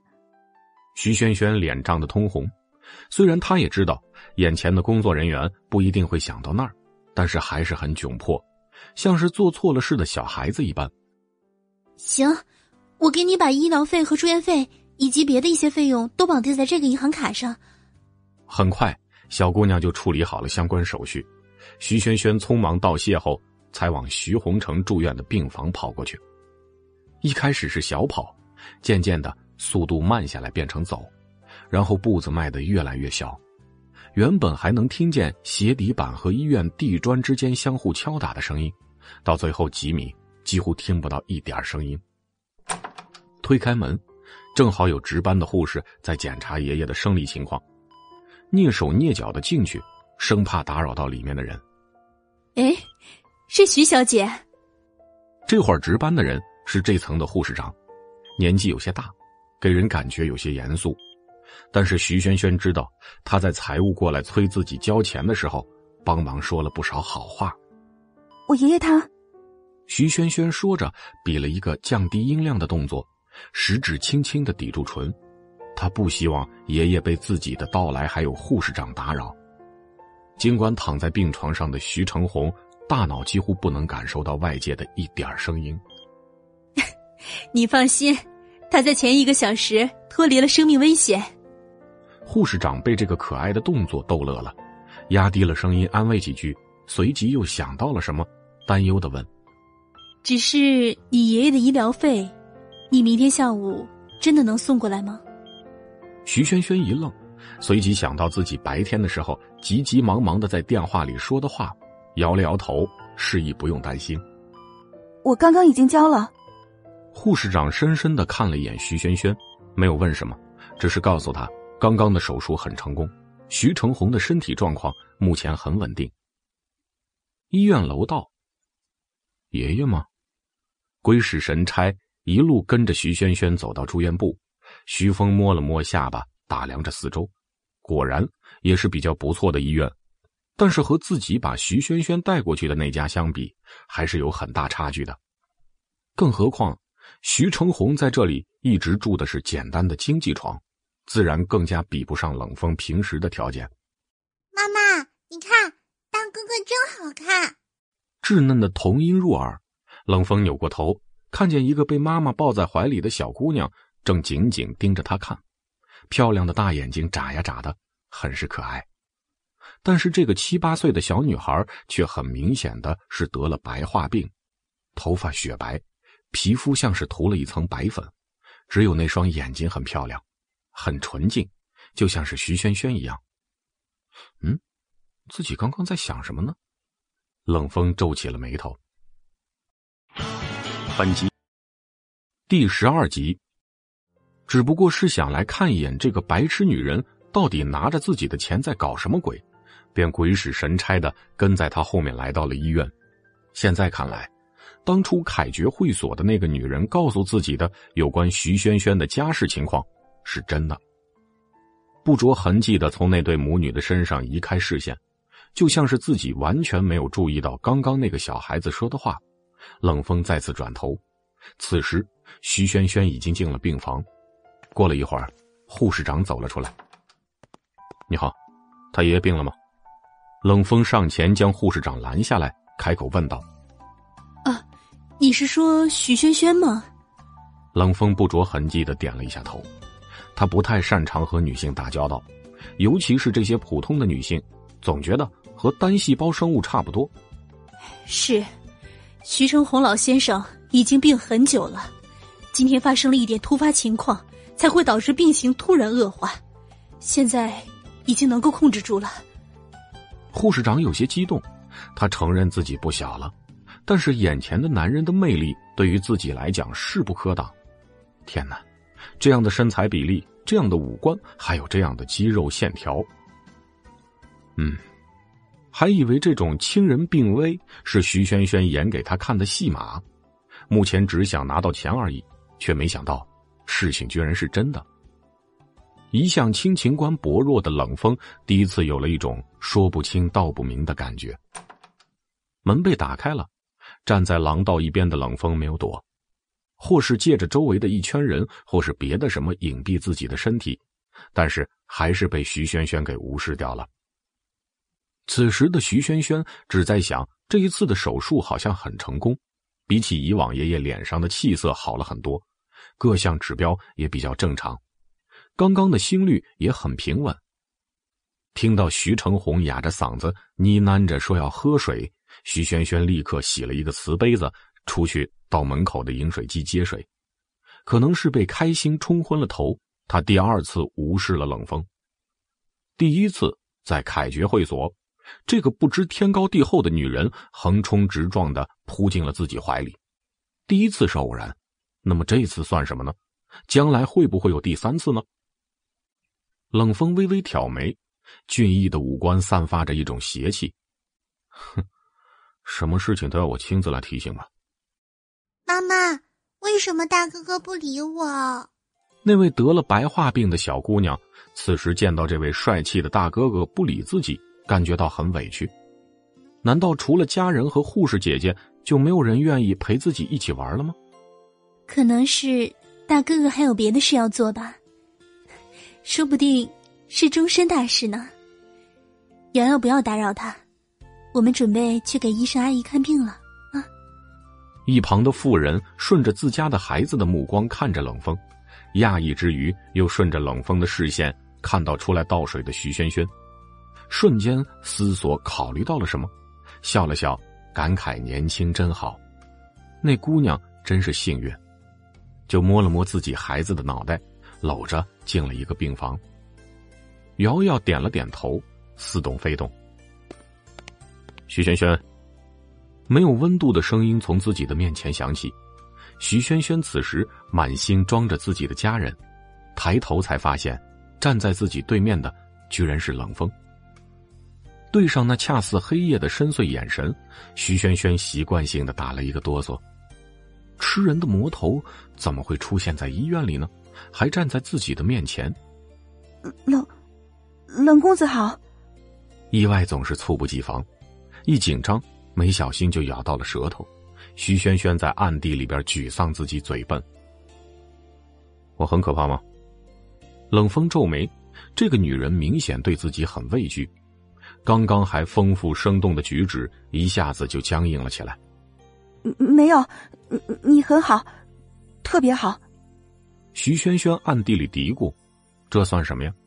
拿古代的话来讲，这不正是伴君如伴虎吗？虽然当代社会不会有满门抄斩那么夸张。”此时无话可说的变成了冷风。原本以为这个女人笨手笨脚，没有眼力劲儿，但是却能恰到好处的将自己噎到无话可说。这么久了，有胆子堵住自己嘴巴的人，估计只有面前这个徐萱萱了吧。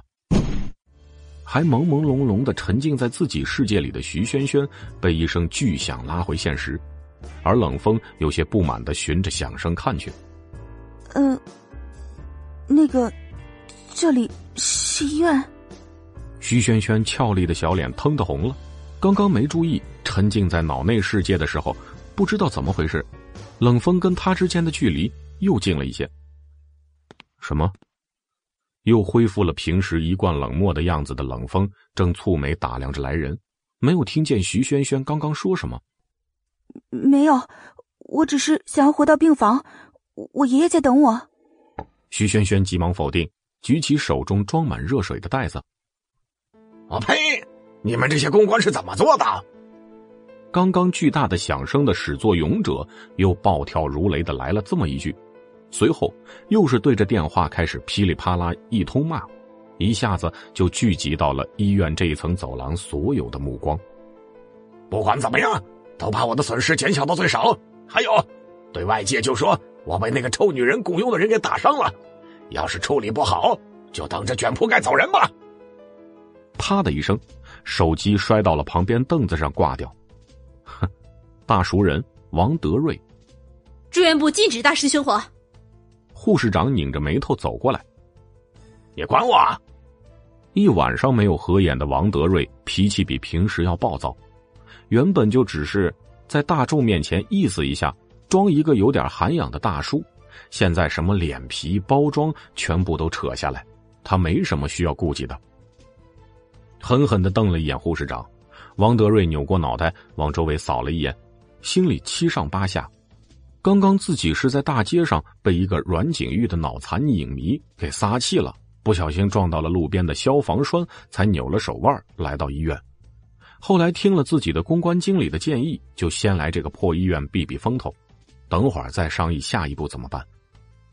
医院的住院部是个不错的地方，待在这儿的不是忙着生就是忙着死。大多数也是一些上了年纪的人，也不会把互联网玩得很溜。除了几个年轻的小护士有点疑惑，倒是没有什么人对他指指点点。那个人出于本能反应，徐萱萱往后躲了躲。毕竟，这个王德瑞要是找自己的麻烦，那可了不得。这里是医院，带来的影响或多或少都会给自己和爷爷惹上麻烦。这小小的动作没有逃过冷风的眼睛，顿时令他有些失笑。分明在凯爵会所的时候，还无惧无畏的冲到自己面前替自己挡下酒瓶子，现在看到王德瑞，怎么就变成了需要老母鸡保护的小鸡崽了？这么想着，冷风挑眉打量了徐萱萱的小动作，又默不作声的将视线挪到了不远处的王德瑞身上。呀，这不是袁家路窄吗？扫了一圈的王德瑞发现了冷风，这是理所当然的。那么耀眼的容貌和出类拔萃的气质，想不让人注意到都很难。但就像是没有听到王德瑞的话一样，冷风连一个注视的目光都没给他。区区一个小老板，根本不需要自己动手就能解决。现在他的处境，只能说是自己有心情陪他玩。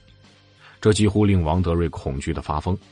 要知道，和冷风这样的人物比手段，自己基本上只有一个下场：眼睁睁看着自己的一切被他吞噬，包括他自己有可能连骨头都不会剩下。在凯爵会所见面的那次，得知他是冷氏集团董事长的时候，还畏畏缩缩的；现在这样阴阳怪气，怕是被江南弄得焦头烂额，形象崩溃，各种危机，怕是把这个。大叔逼到了险路上，大庭广众朝冷风叫了一句，有点死猪不怕开水烫的意思。他们说有人想给我使绊子，还是个我惹不起的。王德瑞气势汹汹的往前冲，一直到冷风面前两米的地方才停下。劳烦冷大总裁对付一个不起眼的小人物，就是为了这个女的。本集第十三集。这厮看来是被折磨的还不够惨，还真是什么话都敢说。眉头锁住，冰冷的目光从瞳孔中溢出，冷风一记眼刀，狠狠朝着那个胡子拉碴的王德瑞射过去。廊道里面隔着一段距离的人都能感觉到冷风身边骤降的气压，像是会有什么不太妙的事情发生。而此时此刻，徐轩轩听到王德瑞的话，浑身上下齐刷刷的打了一个哆嗦。开玩笑吧，冷风怎么会因为自己这个跟他不相干的闲杂人等对付这个王德瑞呢？徐萱萱用力的摇了摇头，将脑袋里不切实际的幻想驱逐出去。没想到啊，外界传言竟遇到只搞金融和市场的冷董事长会看上这么一个小姑娘，还是这样一个在凯爵会所工作的小姑娘？王德瑞此时跟喝大了一样胡言乱语，上一秒咧着嘴，像是在嘲笑冷风虚伪；下一秒耷拉着脑袋，垂头丧气，只是嘴巴里依旧像是放炮一样朝这边轰。冷总裁是冷风吗？这么看着，好像是有一点像呢。杂志上不是说他不近女色吗？哎，杂志这种东西有时候最不可信。那有钱人他们什么不能写出来？那对面胡言乱语的是谁呢？咋没见过呀？这一下，周围的人炸开了锅，七七八八的都议论了起来。此时，虽说这些病人的亲属对于刚刚发生的八卦可能还不清楚。但是对于冷风这个传奇人物，在 Z 市市民之间可是耳熟能详的。徐轩轩就像是站在舆论正中心的可怜羔羊，在众人好奇心的狂风暴雨来临之际无力反抗。这王德瑞嘴巴大到什么话都往外吐，咒骂冷风就算了，为什么自己这个局外人也要跟着一起倒霉呢？徐轩轩此时欲哭无泪。耳边传来周围人窃窃私语的声音，很多人还时不时的用或是好奇、或是鄙夷、或是探究的目光看自己。徐轩轩只感到头皮一阵发麻，自己的名声不能在这个王老鬼的口中被毁掉啊！当初在凯爵会所，我可是出了五万块钱把他包下来的。啊，姑娘们没规矩吗？总得有个先来后到吧？那小妮子，你自己说说。看到冷风身边的徐萱萱，此时咬牙切齿的看着自己，王德瑞冷笑一声，也顾不上自己的脸面，指着鼻子破口大骂一些自己早年在地下通道学来的市井粗话。周围的人闻言都是眉头一皱，和富贵多金、帅气逼人的冷风比起来，这人从相貌到品行，也忒磕碜了。徐萱萱此时只感到气急攻心，却是不知道如何是好。第一次知道人居然可以不要脸到这种程度，他夹杂在四面八方射来的不明意味的暧昧目光中，顿时觉得鼻子酸涩，心中有万千委屈，却是说不出口。自幼就在爷爷的谆谆教诲中长大，世界观正到无法想象周遭世界的恶意，第一次被这样的流言蜚语包围，就算是坚强如他，也不由自主的湿了眼眶。冷风蹙着眉。看着自己身边这个小小的、攥着拳头的女孩子，还以为他会对王德瑞说什么话、做什么反应，直到自己发现他眼眶中已经积蓄起了涟漪。哼，果然是没见过人心险恶、单纯而且愚蠢的笨蛋。冷风心里升起了一丝鄙夷，女人果然是没脑子的生物。好，你想让我说话是吗？突然间，不大不小的清脆声音从舆论中心的徐萱萱嘴里说出，周遭众人见似乎有了新的劲爆话题，连忙竖起耳朵。别的我不知道。四周安静了下来。但是，在凯爵会所，对女服务生动手动脚的是你，出手伤人的是你。徐萱萱抬起头，目光澄澈，没有一丝的飘忽闪烁。他对着面前的王德瑞一字一句的说道：“最后向冷风跪下求饶的也是你。”四周一片哗然，王德瑞似乎没想到自己面前这个看似文弱的小姑娘竟然有胆子对自己反击，顿时勃然大怒：“你放什么狗屁！我会给他下跪！”哼，这可是你要我说话的，那就证明你觉得我说的都是实话呀。徐萱萱丝毫没有退缩，指着王德瑞再说道：“这还仅仅是我亲眼所见到的事情，至于我没有见到的，全都在这张报纸里。”说着，他从衣兜里掏出来一张晚报，上面的头版头条醒目可见。王德瑞见到这张报纸，脸变成了酱紫色。这时，冷风注意到，这个女孩子虽然站在自己面前，语气铿锵有力。句句坚定，咬字清晰，但是自己却能看见他身子一直在发抖。哼，害怕吗？可是即使心存胆怯，他却依然鼓起勇气说出来。即使面对的是给予他重重打击的恶人，即使是他第一次面对这般狰狞的恶意，即使刚刚还噙着眼泪不知所措。一直站在徐萱萱身后没有说话的冷风，破天荒的对面前这个女孩升起了那么一丝不怎么讨厌的情绪。虽说这小妮子反击的手段实在是幼稚，但是留给自己的印象已经有了改观。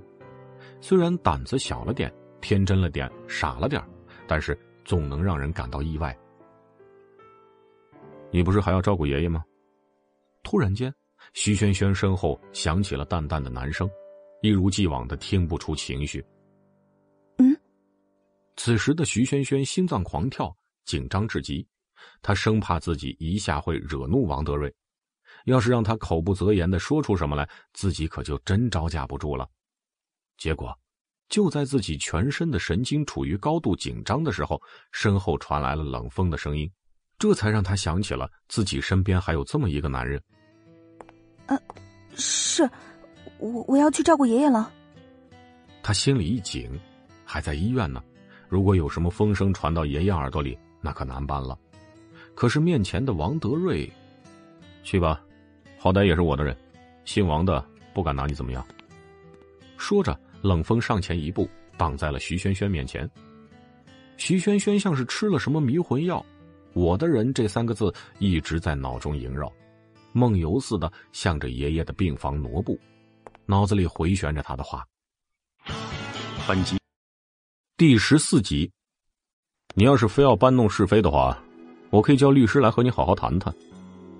冷风轻轻的上前一步，刚一开口，周围顿时就安静下来，所有人的目光聚集在他身上。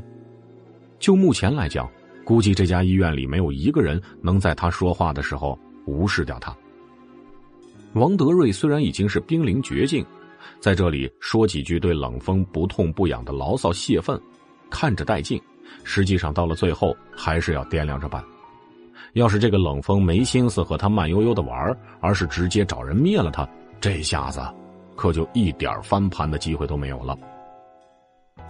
嫖娼，蓄意伤害。冷风一边说，一边垂下眼睛，抬手看手表。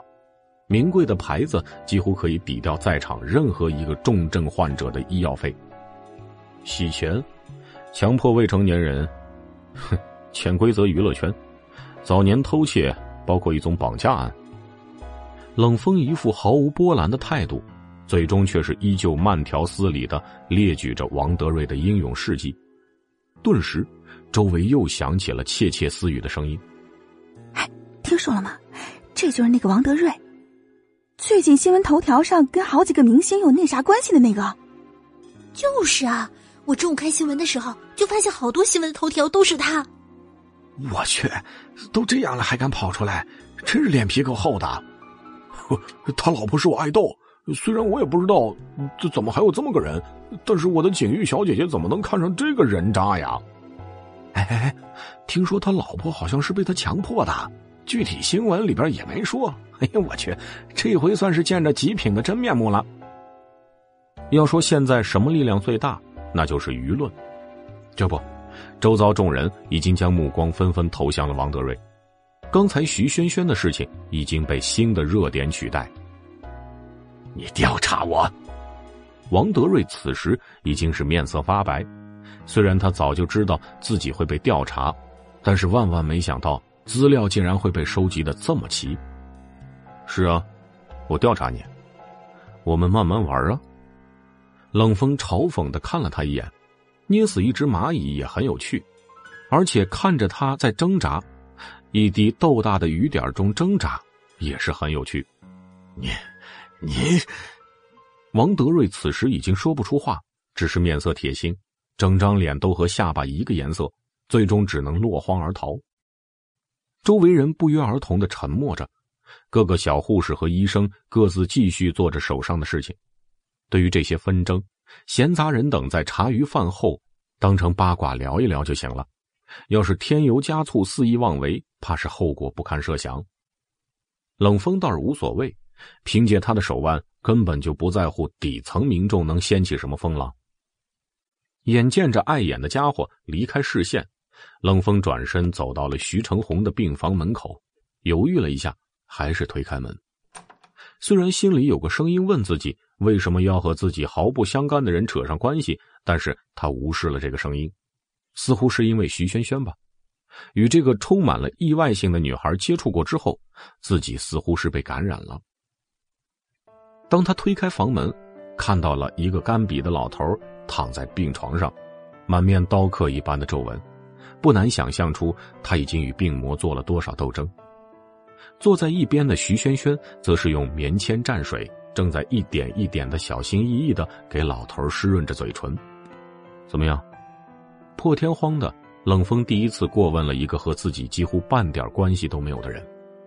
刚刚护士长给他把氧气罩暂时拿下来了，爷爷看起来还不错。医院的墙门都有不错的隔音效果。徐萱萱没有听到王德瑞还做过什么伤天害理、不堪入目的事情，但是这个人的形象在自己看到报纸的时候已经变得不堪入目。冷风将目光停留在他身上，没有说话。这间病房里，除了自己以外，也就只有徐萱萱和这个叫徐成红的老头子两个人，自然是要看好看的那个。虽然在自己眼里，女人都是些单细胞生物。徐萱萱在喂好了水之后，气氛又变得沉默了起来。冷公子怎么有时间来医院？很明显，冷风也不知道自己为什么来医院。原本以为徐萱萱会拿自己的钱做什么无意义的事情。所以想要抓个现行，没想到这次是自己错了。我来看你。徐萱萱心中冒出了三个问号，这句话要怎么理解呀？还有，刚刚他嘴里吐出的“我的人”这三个字，难道说外界流传的那些传言都是假的？冷风其实是个浪迹花丛的情场老手，要不然，为什么他总是能用这种云淡风轻的语气说出这么暧昧的话呢？这个舍不得，我是说，你你你公务缠身，好不容易抽出时间来，我我有点害怕，不，受宠若惊，所以，冷大少爷，你还是快快去工作吧。看见徐萱萱表情古怪，又说出这样一番莫名其妙的话，冷风不由得有些头疼，搞不懂，分明是一群单细胞生物。为什么长着脑子只会往奇奇怪怪的方向想呢？这就是所谓的男女差异吗？哎，有点火大。怎么说自己刚才不是还给他解了围吗？这个白痴女人还急着赶人走，好像是自己愿意跟着他似的。冷风有些窝火，刚刚对徐萱萱升起的那么一丝不那么讨厌的情绪，也烟消云散了。看来自己还是不应该接近这个女人。搞得都开始情绪化了。三天之后，会有人和保镖联系把你带走。面孔瞬间冰冷，冷风丢下了这句话，转身离开。医院的廊道也恢复了原本的平静。徐萱萱注意到了冷风的情绪变化，有些丈二和尚摸不着头。这这男人又怎么招惹到他了？有几个年轻的姑娘拿着手机对着冷风，一脸花痴的样子，不知道在做什么；也有几个大胆的犹豫着要不要上去搭话，但是都被他那周围似乎是冰冻住的气场给震慑住了。停车场，喂，冷风刚上车就接到了冷子墨的电话，找到人了。电话里传来的是十足的男中音，加之常年的商场经历。听起来就很有威严的样子。此时他问的人，也就是自己找来帮忙生孩子的女人。嗯，找到了。冷风答应了一声。本集第十五集。啊，那就快点吧。你现在和冷科的竞争不相上下，越早动手越好。这个被称之为父亲的男人，给冷风下达了任务。冷氏集团如今还是创始人，也就是冷风的爷爷冷鸿瞻所当家，而他和自己夫人生下的两个儿子，便是冷风的叔叔和他的爸爸，冷征红以及冷子墨。冷征红和冷风的父亲早年都出去工作，各自打拼，小有成就。得知自家老爷子冷红瞻是个大户之后，都草草放弃了自己的前途，回家跟老爹干。毕竟回家有铺好的路和大批的人脉，也不需要自己起早贪黑劳心劳力，何乐而不为呢？这下子倒是让冷红瞻给不乐意了。起先原本自己就是想着要把自己的孩子送去磨砺，而特意没跟他们说过。其实他自己家里边家大业大，两个混球不知道从哪得知之后，撂挑子回来，美其名曰帮忙，一路顺风顺水。虽说也有些手段，但都不成大器。前些时候，俩兄弟又谈到了子承父业，一下子就把商业上的手段都拿出来对付自家人。这更加叫冷红瞻气的，要把这两个逆子逐出家门。好在冷家还有两个争气的孙子，也就是冷风和冷柯。虽说家里还有一个妹妹叫冷然然，是冷子墨的第二任妻子生下来的，但是毕竟年纪太小，而且是个姑娘，总叫人觉得成不了气候。于是这两个孙子就成了冷家的重点。至于冷风的亲生母亲。则在冷风年幼时，因为飞机失事而与世长辞。哎呀，不可以动情，知道吗？冷子墨早些时候收到了江南打来的电话，听闻自己儿子最近的情况，不由得觉得不太妙。一贯的直觉不错的他，再三思索之下，还是给冷风打来电话，试图旁敲侧击的提醒。哼，我可不相信爱情。在母亲离世之后没有一年，冷风就迎来了自己的后妈，还有一个即将出生的妹妹或者是弟弟。这个做父亲的冷子墨全然没有考虑过自己儿子的感受，脑海里浮现出了一张温婉动人的面孔。冷风感觉到自己的心脏似乎是被什么东西紧紧攥住，一种久违的、无比陌生的变化在心底悄然产生。嗯，你自己明白就好。不需要跟我多说。对话的那头沉默了一下，口气变得不善起来，话语中暗含警告：“你爷爷很是看重你们，你最好能在三年内拿下冷氏集团，不然你自己知道结果。”冷风不带感情的吐出了几个字：“哼，这么想要这个位子，你为什么不自己去做呀？”这句话显然触怒了另外一头的男子，呼吸声变得有些急促。你，你这个逆子，等你回来，看我怎么收拾你！冷风是故意的，在很早以前的股东大会上，爷爷就宣布了自己不会把自己的集团留给两个儿子，并且将冷子墨和冷征红两个人的大批股份都逼迫转给了自己和冷科，于是。叔叔和自己的老爹都气急败坏的开始从自己的儿子身上下手。冷红毡对于冷风这两个人的一大要求就是，他们想要继承自己的冷氏集团，就必须要生一个孩子，这就意味着冷风需要找一个人结婚。冷子墨对于冷风夺得公司那是势在必得，因此他早早就劝说冷风尽快结婚生子，这样才有资格得到集团。可是冷风并不想结婚，无奈之下，冷子墨便只好退而求其次的要求他只要有孩子就可以让冷风找一个女人来代孕。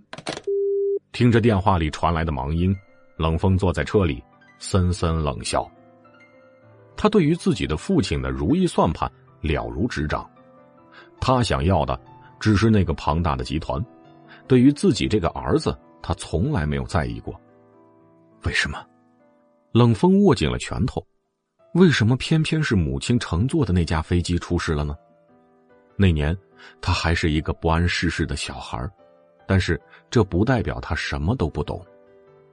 母亲生前，冷风路过冷子木的房间时，不止一次的听到过母亲的名字，声音很低。母亲出事以后，那个男人满脸的冷漠，仿佛早就预料到一般。与自己的痛哭流涕形成了鲜明的对比，甚至连母亲的葬礼他都没去。随即，那种心脏被攥住的感觉再次传来。冷风顿时觉得自己喉咙里似乎堵住了什么，一种火热的痛觉在胸口熊熊燃烧。冷风极力控制自己，但是破天荒的失败了。他漆黑的、暗沉的眸瞳里，泛过了一丝微不可察的波纹，高挺的鼻尖轻轻皱了皱，薄薄的嘴唇微微张开了一条缝隙。所有细微的五官变化，像是拼图一般组成了一张悲伤的脸。这是他第一次显露出与平日里不动声色所不同的表情。冷氏集团一定会是我的，不管用什么方式，即使是下地狱。冷风咬紧牙关，我也要挖出来母亲死去的真相。他不明白自己为什么会不由自主的想起那个。唯一对自己温柔过的女人，大概是因为徐萱萱，自己被她勾起了情绪的变化，这使他平日里边牢固的防线变得松散了。冷风不想承认的是，因为自己压抑了太久太久，只有母亲在的时候，自己才是有家的。自从他去世之后，母亲变成了冷风心中被牢牢封锁住的死穴。而冷风将母亲藏在自己不愿碰触的地方，成为了他唯一的软肋，不能被任何人发现。自此，他便依然是那个叱咤风云、无牵无挂的冰山恶魔。徐轩轩，有几个小护士准备换班回家休息的时候，还是挡不住对于八卦的渴望之心，凑上来，看了他在医院的表上签的名字，喊了出来：“呃。”你们找我吗？正准备收拾一下回家的徐萱萱被人喊住，转过脑袋，看到几个一脸兴奋的姑娘，不由得尴尬。嗯，你和冷风老公什么关系啊？刚刚那个是王德瑞吧？我刚刚在新闻上看见他了。那个威胁女明星的大叔，天哪，这大叔一点都不帅，太没品了。小护士们自顾自的讨论。还挡住了徐萱萱出门的道路。要知道，她还要回去听周琼的安排吃饭呢。外面的保镖不知什么时候也被围了一群人。下班就快滚！护士长很是没好气的过来遣散了这群唧唧歪歪的小姑娘。群鸟众兽一哄而散，徐萱萱和保镖都很感激。虽说后者戴着墨镜看不到眼睛，没想到。护士长说着，一脸复杂。徐萱萱能感觉到他现在心情很不爽。对不起啊，给你们添麻烦了。赶紧道歉。刚刚回病房之后，一直惴惴不安，先下便是脑补了一场大戏，包括冷风和王德瑞之间的交锋是如何的激烈。这倒没有。护士长摇了摇头，在刚刚冷风一走的时候，他就去和院长汇报了这件事情。此刻他来，自然也不会对徐萱萱做什么。那我先走了。徐萱萱也不知道该说什么，略微尴尬的摸了摸鼻尖儿往外看到夜幕早已笼罩整个天空，似乎时间不早了。等一下，请你先在这里签一下字。你的爷爷明天准备动切除肿瘤的手术，并且在术后会转移到别的病房。护士长拿出手中的东西，交给了徐萱萱。这就是自己刚刚从医院老板那儿得到的命令。这家医院虽然说在 Z 市口碑不错，但是终究比不上那些市中心的大医院。虽说不清楚徐萱萱这个小姑娘和冷风有什么关系，但是医院里面还是打算给点特殊待遇，于是准备免掉徐萱萱的住院费，只收手术费，并提供最好的住宿。啊！本集。第十六集，徐萱萱看着医院单子上的各种条款，有点懵，总觉得哪儿不太对劲。签字吧，有便宜不占白不占。护士长倒是无所谓，活像是自己不是这儿的护士，而是病人家属。几十年的功夫，叫他看清了很多事情，而且看人也很准。虽然说不了解眼前的小姑娘究竟是什么来头。但是感觉上，他很喜欢这个姑娘，能帮就帮帮忙吧。这，徐轩轩看着像是可以一下直接付清所有医疗费，确实是很简洁明了。但是还是不得不拒绝。我能不能按照原本的周付从我那张卡上扣啊？为什么？徐萱萱沉默了，因为自己很快就要去生个孩子，不能来看爷爷，所以不得不再去找个保姆。但是找保姆也要花钱，自己却差不多身无分文了。这一下签完了，虽说还有免费豪华病房，但是那有什么用呢？护士长见他不多话，也不再多问，帮忙回绝了医院老板的好意。医院老板得知之后，也不再把这件事情放在心上。看来这个姑娘也不是冷风什么很重要的人。想来也是，如果她真的对冷风那么重要，怎么会来自己的医院呢？按程序走吧。那老头治疗少说还得两年多呢。想到这儿，医院老板也放下心来，因为有小护士把王德瑞和冷风在医院里的对话录成了视频，还偏心的剪辑了一下，将冷风的强大气场和王德瑞的猥琐形成了鲜明对比，配合着微博上的热搜，成为了话题，令医院跟着狠狠的蹭了一把热度。回到家后的徐萱萱一身的疲惫。有太多不该承担的事情压在他身上，幸好徐萱萱十足的积极向上，会委曲求全，也能屈能伸，甚至越挫越勇。洗个冷水脸，就继续完成接下来需要准备的工作吧。拍了拍自己的脸，徐萱萱对镜子里边的自己说：“明天就还有两天了。”说完，徐萱萱一笑，明眸皓齿。嗯。现在的保姆怎么跟选美一样的？被周琼喂了羹汤之后的徐萱萱，一边搜索词条抱怨了一句，一边听着周琼说了一会儿还有别的东西，包括要补充维生素、蛋白质、葡萄糖等等。找保姆做什么？周琼说的有些口渴，坐到小茶几旁边的板凳上，拿着纸杯喝了口水，打量着这里的环境，设备很简陋，地方小。只是他一个人住，也没有很讲究。帮忙照顾我爷爷啊！明天早上爷爷还会动手术，我还可以去看他。可是再过一段时间，我就不能去照顾他了。爷爷就一个人，总得想想办法。徐萱萱耷拉下脑袋，瘪了瘪嘴，整个人垂头丧气。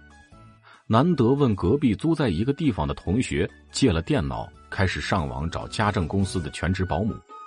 一排一列，不是胸大肤白貌美，就是已经年老色衰的乡村妇女，横竖就这两款。怎么感觉都不太正经呢？再好好看看吧，乖，把这个喝了。周琼看着徐萱萱一副可爱的模样，忽然想起了自家的姑娘，伸手拍拍她肩膀，递过去一支营养液一样的东西。徐萱萱预感到。这可能不是好东西，拿在手里端详了几眼，问道：“这是什么？营养液。”周琼一边低头在本子上写着什么，一边说道：“虽说作为一个营养师，我深知饮食调节是对付低血糖最好的方法，但是我收到的任务是要你在三天里面恢复最佳状态，那就只好试用一些非常手段了。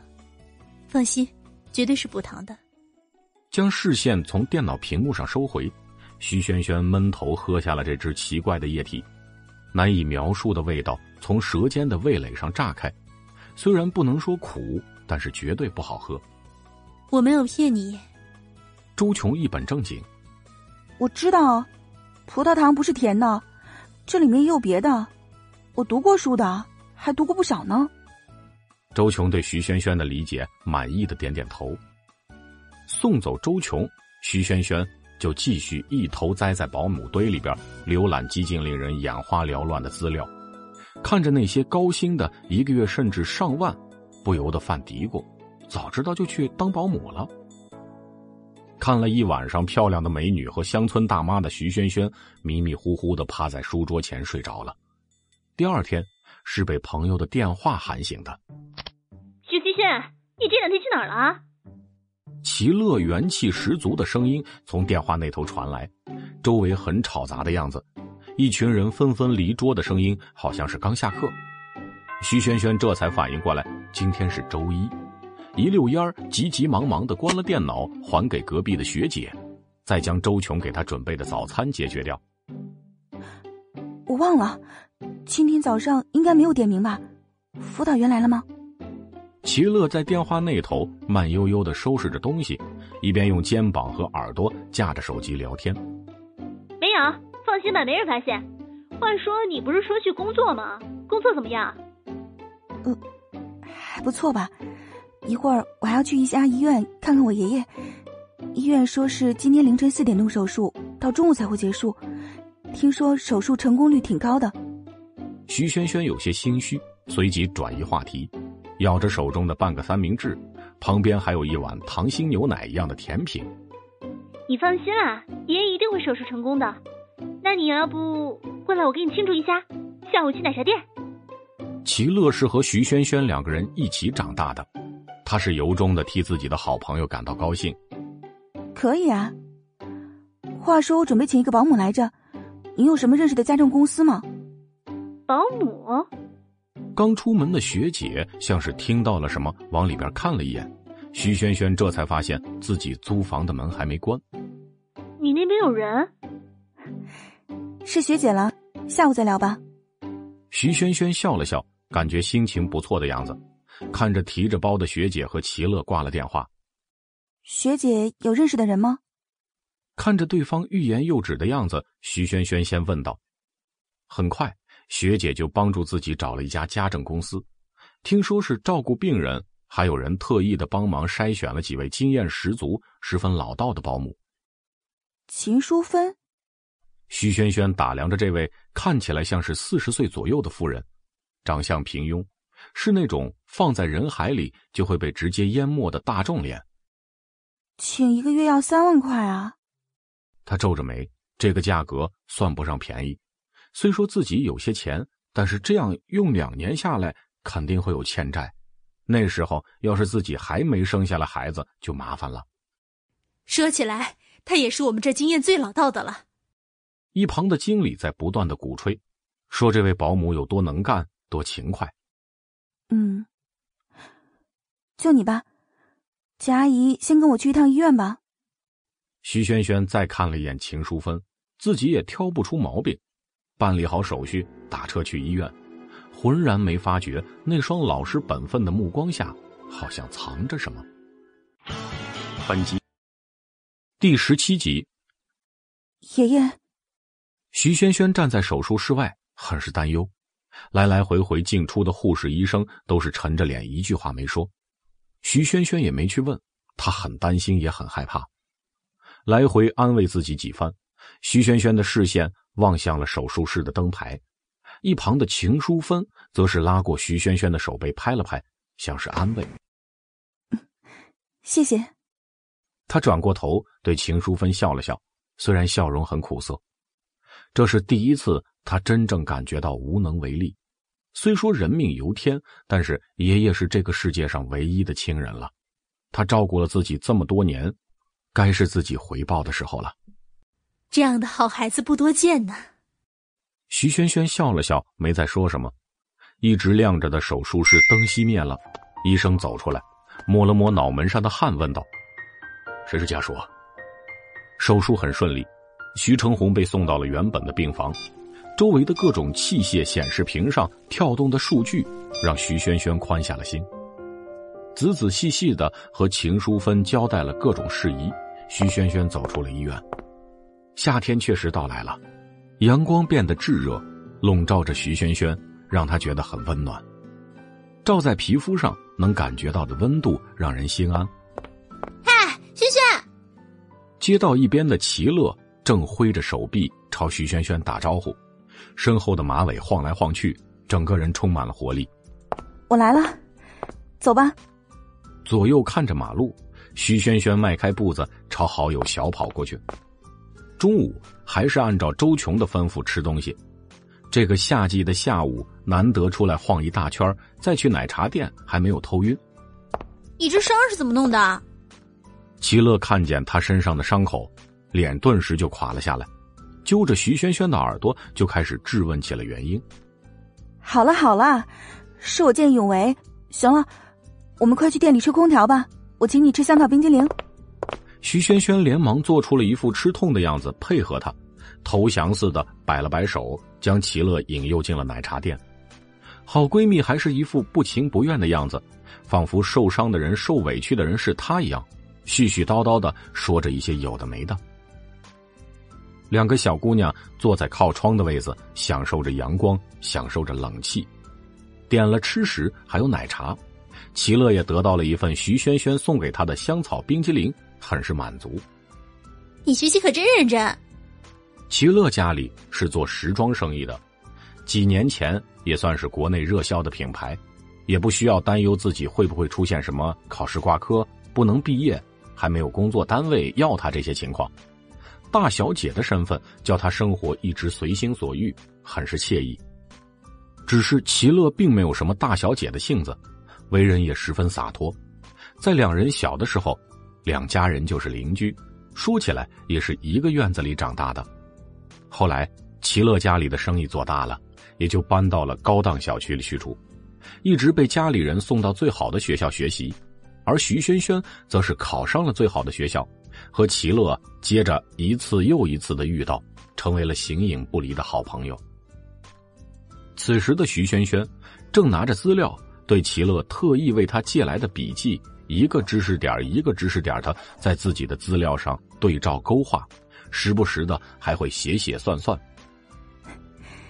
知识改变命运。徐轩轩说着，水笔在最后一个知识点下面划上了横线，被盖上盖子，收到上衣的口袋里。这是他高中养成的习惯，以备不时之需。齐乐不太明白这句话的意思，抬头望天。嗯，天很蓝。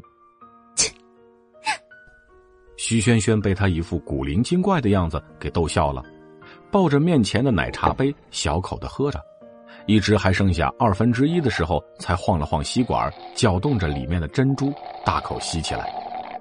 徐萱萱一边喝奶茶，一边听齐乐抱怨自己的父母又如何苛待他了，说什么强迫他去时装周，还要送他去国外的艺术学院深造。哎羡慕死你了，自由自在的，可以做自己想做的事儿。他鼓着嘴巴抱怨着：“哼，值得羡慕。”徐萱萱苦笑，在齐乐眼里，自己的确是没有人可以管束，但是自己却更羡慕齐乐有这样一对替自己操心的父母。徐萱萱笑着当他的树洞，时不时的附和几句，或是替可怜的其父其母辩驳几句。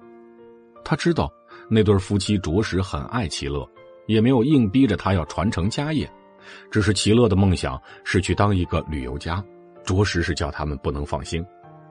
毛毛躁躁的，可怜天下父母心。徐萱萱眉眼弯弯的笑着，帮齐乐理了理耳边垂下来的发丝，明显后边的大马尾因为刚刚动作幅度太大而松散开了。你总是这么安静。在你面前，我跟小孩子一样的。齐乐嘟着嘴，动作流利的重新扎了一下，灵巧的手指翻开发圈，再绕上两圈扣上，一气呵成。你也知道啊，其实我很活泼的。至于为什么在你面前这么安静，完全是因为你太奔放了。徐萱萱无语，对于自己这个好闺蜜，一直拿她没办法。她总是很闹腾，但是又不得不说，两人在一起很开心。当齐乐谈及徐萱萱的工作时，发现对方总是支支吾吾的模样，眉宇间匆匆掩饰的复杂情绪，叫自己捉摸不透。先前徐萱萱爷爷住院的时候，自己也动过要帮忙出钱的意思，只是后来徐萱萱非要靠自己，说是这么一大笔钱，要是齐乐出，两个人就一拍两散。齐乐见徐萱萱这么坚持。想到自己这个好闺蜜表面上乖乖巧巧、平易近人，实则是倔强起来，八头牛都拉不回来，这才罢休。让她自己去解决也好，至少解决不了，徐萱萱也没什么理由拒绝自己的帮助了。谁知道这小妮子还真就自己把事情给解决了，这倒是让齐乐有些隐隐的不放心。毕竟五百万可不是小数目。算了算了，你不说我也不逼你。不管怎么样。你不要把自己逼得太累了，你也是人。啊旁敲侧击的问了半天也没有结果，齐乐很是挫败，只是他自己知道，自己向来是直来直去，哪怕是在四岁的小孩子面前绕着弯问话，也能被对方识破。本集第十八集。明天我打算把房租退了，然后回学校。徐萱萱嘴里咬着一颗珍珠，说完又从吸管里滋溜吸了三颗珍珠，模样俏皮又可爱。齐乐心不在焉的听着，附带的附和了几句。原本他就不支持徐萱萱搬出去，这样子一个人照顾爷爷孤孤单单的，万一哪天出事情了，自己还不能第一时间搭把手。徐萱萱也知道齐乐仗义心肠。正因为如此，自己更不能告诉他事情的真相，不然他一定会骂死自己的。于是，徐萱萱便只告诉了齐乐自己住在一个好朋友那儿，也不会回学校继续住宿。哪个朋友？我怎么不知道？齐乐下巴抵在胳膊上，满脸的郁闷。一个好心帮爷爷出医疗费的人，但是我要为他工作一段时间。拼命的咬着下唇。徐萱萱控制着自己没有颤抖，半天才憋出来这么一句理由。幸好齐乐一向相信徐萱萱，大大咧咧的也没再理会。毕竟徐萱萱在学校里边处理各种事情是一流的人才，有人赏识也不错。回家吧，你爸妈该担心了。徐萱萱给蔫蔫的好友顺了顺毛，却发现站在门口的保镖对自己示意着，该离开了。两人走走停停的在十字路口分道扬镳，徐萱萱这才松了一口气，看向混在人群中的保镖，面色复杂。话说，我是不是忘了什么？已经一溜烟小跑去 KTV 的齐乐在心底问自己，好了一曲情歌，才一拍脑门，从包里把借来的资料翻得哗哗作响，末了才在最后几页翻出了一封很薄。上面绘着浅色犀草的信封，我好像忘记帮那谁告白了。而徐萱萱此刻早就回到家里，按部就班的吃掉了各种东西。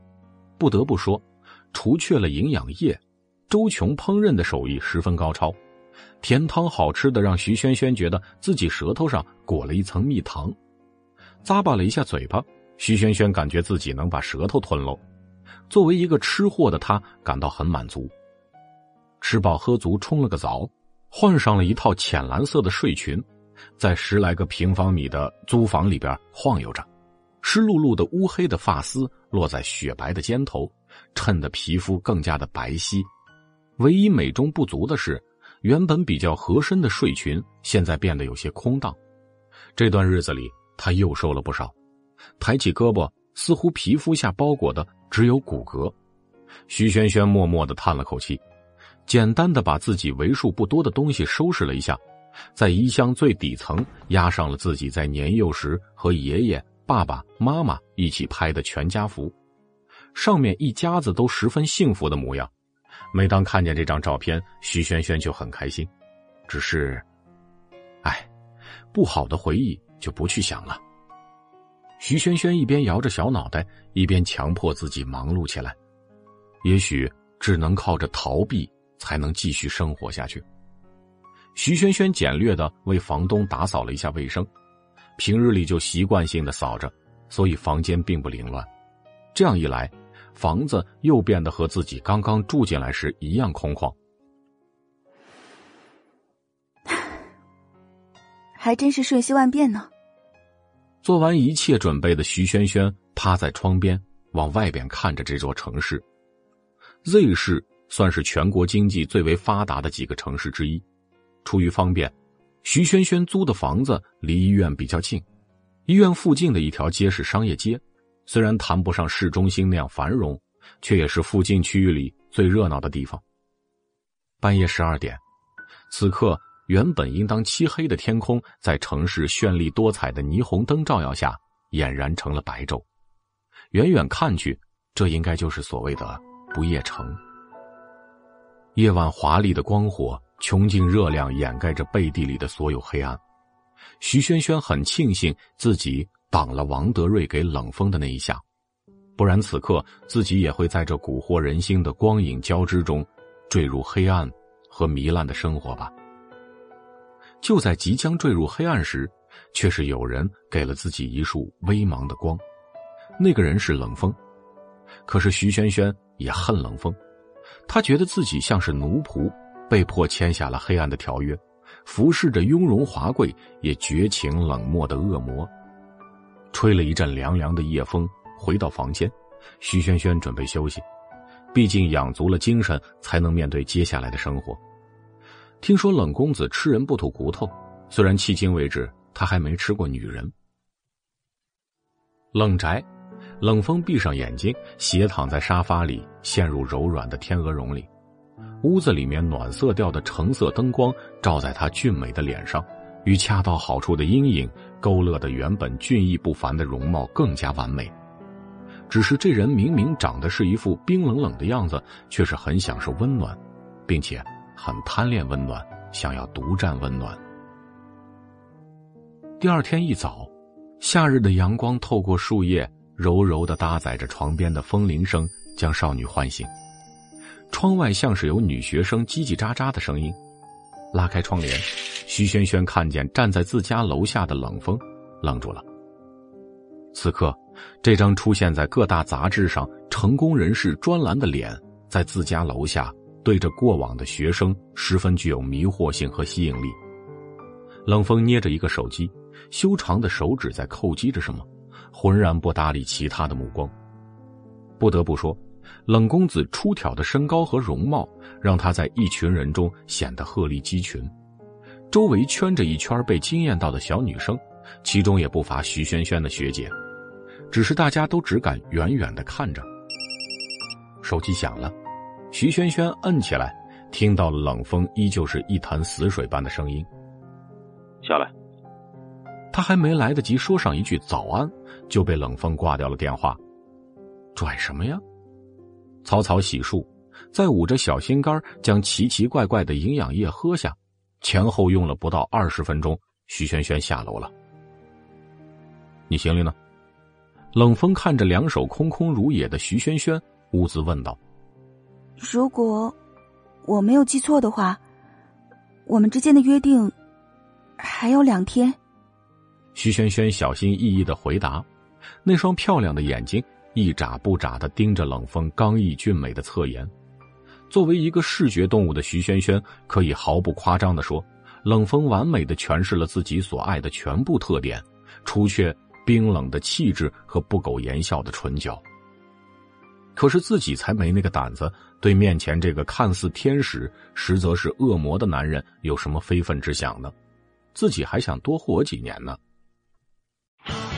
本集第十九集，早晚都要搬走的，我会叫人来帮你搬。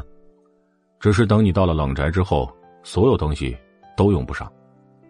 冷风上下打量了一下徐萱萱，看到她一副穷酸的样子，淡淡的说道。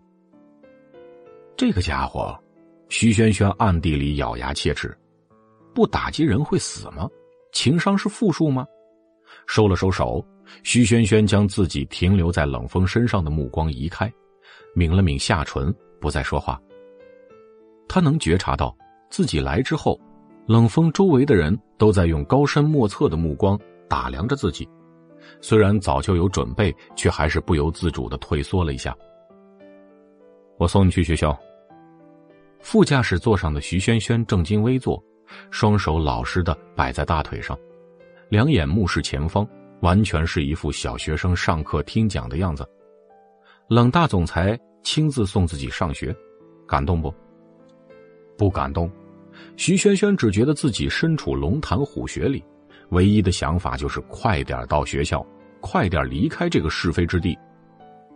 一路上，冷风倒是秉承了自己一贯的作风。一句话都没说，甚至正眼都没有看他，也没有对自己不干正事儿，突然跑到徐萱萱楼下送她上学这件事情解释一下。冷总裁最近很闲呢，徐萱萱欲哭无泪。就快要到达学校，徐萱萱看到很多自己的同学正三三两两的朝着学校大门走去，基本上每一个路过的学生都对自己坐着的豪车行了注目礼。虽说这是一家享誉国内的好大学，也拥有不少来自上层名流的学生，但毕竟不是所有人都可以驾着一辆价值上千万的名牌跑车来上学的。可是这样成为焦点，让徐萱萱很不舒服。他骨子里就不是一个喜欢炫耀的人。徐萱萱终于憋不住了，她攥紧了拳头，轻轻移动视线，暗搓搓的瞄了一眼冷风。见他没什么表示，这才艰难开口：“那个。”挤出一丝假笑。冷总，不用把我送到门口，直接在路上停车就好了。早就注意到他一系列小动作的冷风，料到他会开口，终于听到他的声音，却是一个令人搞不懂的要求：停在路口吗？冷风没答话，车子依旧在驾驶。已经快到学校门口了，徐萱萱白皙的小脸开始泛红。心里开始对冷风翻起白眼儿。就在他默默吐槽冷风的时候，车子到达学校门口，却是没停下，径直开了过去。徐轩轩有些搞不懂，冷大总裁要干嘛呢？行驶了一段不长不短的距离，路边的学生已经少了很多，人流变得稀疏，车子却是停下来。冷风踩住刹车，淡漠的声音响起：“可以了吧？”哎。徐轩轩一时没反应过来，却看到冷风熄了火，拉了手刹，打开了车门，走了出去。下车后，徐萱萱才明白了冷风的意思，大概是知道了自己为什么不想在学校门口停车，所以还是把车子开到了不那么引人注意的地方。顿时，一种奇异的感觉涌上心头。其实，他也没有表面上看起来那么可怕。徐萱萱拽着书包朝着学校的方向走去，走了几步，却发现了不对劲的地方。为什么冷大总裁跟在自己身后，也朝着学校走过来呢？冷风显然注意到了徐萱萱偷偷后瞄的动作，觉得这个女人像是躲避瘟疫一样躲自己，心里顿时有一丝小小的不爽。于是，在他做好悄悄加快步伐准备的时候，冷风凉凉的开口了。带我去学校，我有事情需要处理。这一下，徐萱萱没办法装作自己没有看到的样子，偷偷溜走了，只好垂头丧气的转身等着他，随后一起朝着学校走去。你觉得我很可怕吗？冷风问道，因为实在是不明白，徐萱萱为什么要躲着自己？难道真那么可怕吗？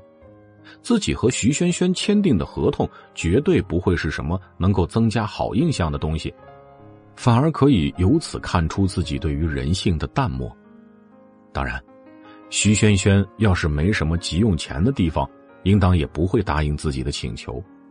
毕竟从法律上来说，涉及一个未出生的生命的合同是不可以作数的。只是他和徐萱萱都出于自己的利益，把法律条款给忽视掉了。这一点，彼此倒是心照不宣。是，徐萱萱没想到冷风会突然这么问，可能是刚刚发现冷风并不是表面上那么不近人情，自己便壮着胆子说了句实话。但是当徐萱萱注意到冷风几乎是瞬间冷若冰霜的脸的时候，她后悔了。是吗？其实我也这么觉得。冷风的眸子淡淡的看了一眼徐萱萱。毫无感情的吐出了几个字。不过，在全国最好的语言学校读书的学生，沦落到去娱乐会所上班，还真是让人浮想联翩。薄薄的嘴唇勾勒出了嘲讽，也可以称之为轻蔑的表情。徐轩轩沉默了。这个男人是生气了吗？是因为生气才要这样反过来嘲讽自己吗？位高权重的冷大总裁会因为一点小事情而跟某个小可怜、可怜的蝼蚁置气？徐萱萱对于自己刚刚坦诚的吐露出实话而感到深深后悔，以后要谨记冷大总裁是最完美的这一个真理，以免逞一时口舌之快，结果小命不保。两人走到了学校门口，冷风停下来，在徐萱萱以为自己要解放的时候。淡淡的提醒了一句：“刚刚已经有人帮他退了租房，东西也会帮忙收拾好送到冷宅。”徐萱萱不敢不从。你知道什么是私闯民宅吗？其实很想问一句，不过十分显然的是，这位冷总裁完全不会有这种自觉。确实，法律能够很大程度上杜绝一些恶劣的事情发生，但是现实总是让人失望，总是有一些有权有势的人可以在条款之间闪躲。比方说王德瑞，至于冷风，知道是一回事情，但是他遵不遵从又是一回事情。本集第二十集，轩轩刚走出不远，就遇上了自己的一位室友。按照以往，现在应该是他的社团活动时间，徐萱萱经常会帮他带早饭。嗯，你好啊，小雅。挥手打招呼。他小心的回头看了一眼，冷风已然不见踪迹，大概是去处理自己的事情了吧。你回来正好，今天晚上记得帮我带一份寿司回来。小雅朝徐萱萱挥了挥手，转身走了。徐萱萱想起了昨天齐乐说的话：“哎，萱萱不在，你们也不能这样啊！”看起来齐大小姐似乎是有些不快。小雅和宿舍另一个女孩几乎把各种杂物堆满了徐萱萱的桌子，正巧被齐乐看到了。小雅撇了撇嘴巴：“轩轩又不在，我们外地人东西多嘛，就借一下地方怎么了？”以齐乐的性子，放在他自己身上，肯定要跳起来跟这个人对着干。但是他在此时想起了徐轩轩一向待人和善、善良还好脾气。就怕自己发火会一起拉低徐轩轩的好人缘。轩轩明天回来，你们赶紧收拾了吧，要不回来都没法住人了。这样说了，小雅二人才不得已不情不愿的收拾着桌上的东西，心里指不定把齐乐骂了多少遍。微微叹了口气，不久就会离开学校。徐萱萱也并不想那么在意那么多的繁琐的小事情。嗯，好。徐萱萱答应了。因为自己有每天晚上都去图书馆的习惯，而学校最好吃的寿司店正好开在图书馆旁边，所以宿舍里经常有人请他来帮忙带一点夜宵回去。校园大路的两边种满了梧桐树，此时叶子在阳光的照射下显得十分的莹润翠绿，混杂着阳光投下了两边软绿的阴凉。徐轩轩抱着一叠书走在下面。风吹过发梢，撩起了一缕发丝，抬手抚平，明明是一个整理头发的动作，却叫人觉得美得如同静止的画面。冷风站在校长室的窗边，不经意间一瞥，便看到了这样养眼的画面。至少从背后看上去，这个白痴女人并不是一无是处。站在一边的校长摸着下巴，风平浪静，若有所思。内心却是掀起了惊涛骇浪。原来冷公子之所以看不上圈子里边的名媛，是因为比较喜欢清纯款的小女生吗？那个学生是我的。冷风淡淡开口：“我希望你们校方……当然。”徐萱萱浑然不知冷风正在怎样的跟他学校的校长交谈，不急不慢的在学校里面晃悠了一圈，还是校园里舒服。萱萱。齐乐混在一大群穿着汉服的姑娘里面摄影，在镜头捕捉到自家好闺蜜的身影时，一溜烟跑了过来。难得见你这么早来学校啊？徐萱萱有些意外。要知道，除了周一防着辅导员突击找人麻烦，其他时候这姑娘都是在学校或者是家里的床上闷头大睡。因为今天汉服社团的姑娘们有活动，我这不是出来猎艳。笑嘻嘻的解释了徐萱萱的疑惑，顺带打趣了一下自己好不容易出来鬼混，就被宣皇后逮了个正着。姐妹俩闹腾了好一会儿，分开了。毕竟齐乐是这次活动的特邀摄影师，而徐萱萱被另外一边的同学给拦住了。论起校园女神，徐萱萱是当之无愧的才貌双全的唯一一个，所以总是有一些小女生过来问问题，比如高等数学什么的。被强行拉到一边的小亭子里边助人为善的徐萱萱，此时也是很无奈，只是自己正巧也没什么事情需要做，就顺了这小姑娘的意思。毕竟学校里面成绩好的大多比较高傲，像自己这样成绩好、性格好的学姐已经不多了，想想，徐萱萱忍不住心里边为自己的好人缘小小的雀跃了一下。哼，没看出来呀。其实冷风很早之前就从校长室出来了，开着跑车在很远的地方看着徐萱萱，还有周围一圈虚心学习的学弟学妹，似乎很受欢迎的样子。此刻已经是接近正午的太阳，温暖的有点过分。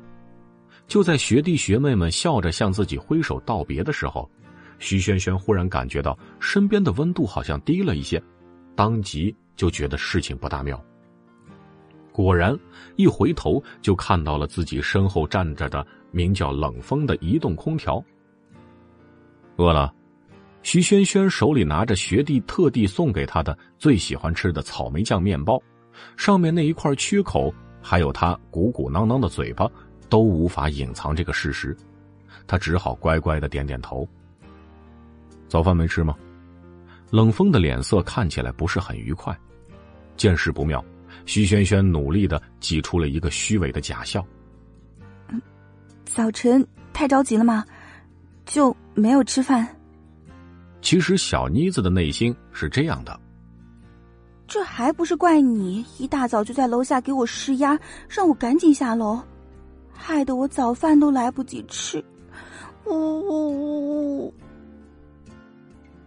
说完这句，徐萱萱咽下了自己嘴里的面包，偷瞄了一眼冷大总裁，以迅雷不及掩耳之势瞄准果酱最多的部分一口咬下，随后他瞪着眼睛做出了无辜态，试图保护自己手里的可怜面包，不过似乎对冷风不太奏效。好看的眉头拧了个结。冷风迈开长腿，两步走到了徐萱萱面前，伸出胳膊没收了徐萱萱手里的小面包，扭身扔到了垃圾桶。我找人给你调理好的身子，就是让你拿来这么糟蹋的吗？冷风瞟了一眼像仓鼠一样藏了满嘴面包还在嚼嚼嚼的徐轩轩，顿时有种想打人的冲动。不吃早饭就算了，还吃些垃圾食品。说罢。冷风一把拎起徐轩轩，丢给自己身后的保镖，带他去吃顿正经的饭。眼看着保镖拖着欲哭无泪的徐轩轩走了，冷风这才转过身去。下午还有一个会议需要去参加。手搭在方向盘上，停在一个红绿灯面前，耐心等待的冷风，目光突然间碰触到自己的手尖那里不知道在哪儿蹭上了一抹红红的、透明的不明物体。冷风抬头，这小小的一抹透明的半凝固的液体，散发着初夏少女一般的香甜气息。然后，高冷的冷大少爷像是一只小猫咪一样伸出舌头，轻轻的舔了舔。嗯，草莓味的。本集第二十一集。下午的会议室总体来说叫人很是欢喜。全集团上上下下所有来参加会议的十几位高层，都能感受到今天的董事长心情不错。于是，在会议结束之后，都争先恐后的将最近比较棘手的文件上报批准签字。啊，这是宣传部的资料。江南推了推眼镜，交上了一份资料。冷风刚刚翻过市场部的资料，上面的数据显示，这个项目并不是十分出彩，虽说。也是一笔十分可观的收入，只是没有达到那冷子墨给自己的保证的金额，所以才会拖了这么久。签上名字放到一边，冷风抬眼看向江南，面色不佳。虽说保持一贯不变的表情，叫别人难以猜出他的喜怒，但是怎样细微的变化，在江南这儿都可以轻易的捕捉。他想把你放在我身边，少不得要监视着我。不过我还是提醒你，我绝对不会变成他想要的那个夺取冷氏集团的工具。在我这儿，他得不到他想要的。说罢，冷风在手中的文件上签下自己的名字，将名字甩到了一边。要知道，你可是一个外人。江南没有开口反驳，只是将文件收好就离开了。一想起冷家乱七八糟的事情，就叫冷风暗自不悦。将剩下的文件一个个看完，丢给助理分发的各个部门后，冷风就开车离开。你可还真是由着自己的性子乱来啊！晴姐看着此时坐在自己对面的男人，办公贯穿的西服套装在冷风的身上，完美勾勒出他的身材，几乎不难想象，布料下边的身体拥有着怎样健硕的肌肉。有什么问题吗？冷风晃了晃自己手中的红酒杯，醉人的液体晃出了漂亮的酒裙，醉人的色泽不难看出这支红酒的价值。只是在这里，很少有人会光顾如此高雅的酒类。相比较之下，迷幻的灯光与浓烈的伏特加更配。没有，希望你不要为了你的小姑娘，把王德瑞玩死。晴姐吸了一口女士香烟。薄荷味以及尼古丁混着在肺里过了一趟，在说话的时候不免会有些烟雾从唇角溢出。我不在乎他的死活。冷风的回答理所应当，黑白两道通吃的自己当然没有少对一些自己的拦路石动手。至于那些人的死活，不在自己的考虑范围之内。那是，像我们这样蝼蚁般的生命。怎么会入得了冷公子的眼呢？晴姐笑了笑，还是好心提醒。但是您怕是不得不顾及一下轩轩的感受，那孩子很善良。冷风眯起眼睛，捏着高脚杯的手指来回晃动了几下。太单纯的人是没办法在世界上活下去的。晴姐则是坐在一边微笑，来来回回穿过红尘千百的女人，总是凭直觉。将旁人的心思看穿，再加上向来精明的手段，也是为什么凯爵会所能在夜总会竞争十分厉害的 Z 市长存的原因。没有人能够妨碍我的决定。冷风说了这么一句，就将杯子里面的液体一饮而尽，签好支票，还剩下大半瓶的名贵红酒，随意丢下。有钱人出手就是阔绰。晴姐望着支票上。看起来都像是忘记点小数点的数据，十分开心。自然，生意人谈金钱，别的也就只要说话就行了。徐萱萱拎着寿司回来的时候，宿舍里只有齐乐一个人。在小妮子再三折磨下，徐萱萱还是坦白自己的老板是冷风。这下好了，闺蜜看她的目光像是看怪物一样，谁不知道？Z 市的冷董事长是极近于 gay 的存在，不知道徐萱萱将要面对怎样的变态。徐萱萱拉着齐乐让他保密，顺带一提自己以后不能去看爷爷的事情，让齐乐帮忙。齐乐的脑袋很机灵，虽然心存疑虑，但还是答应了他的小小要求。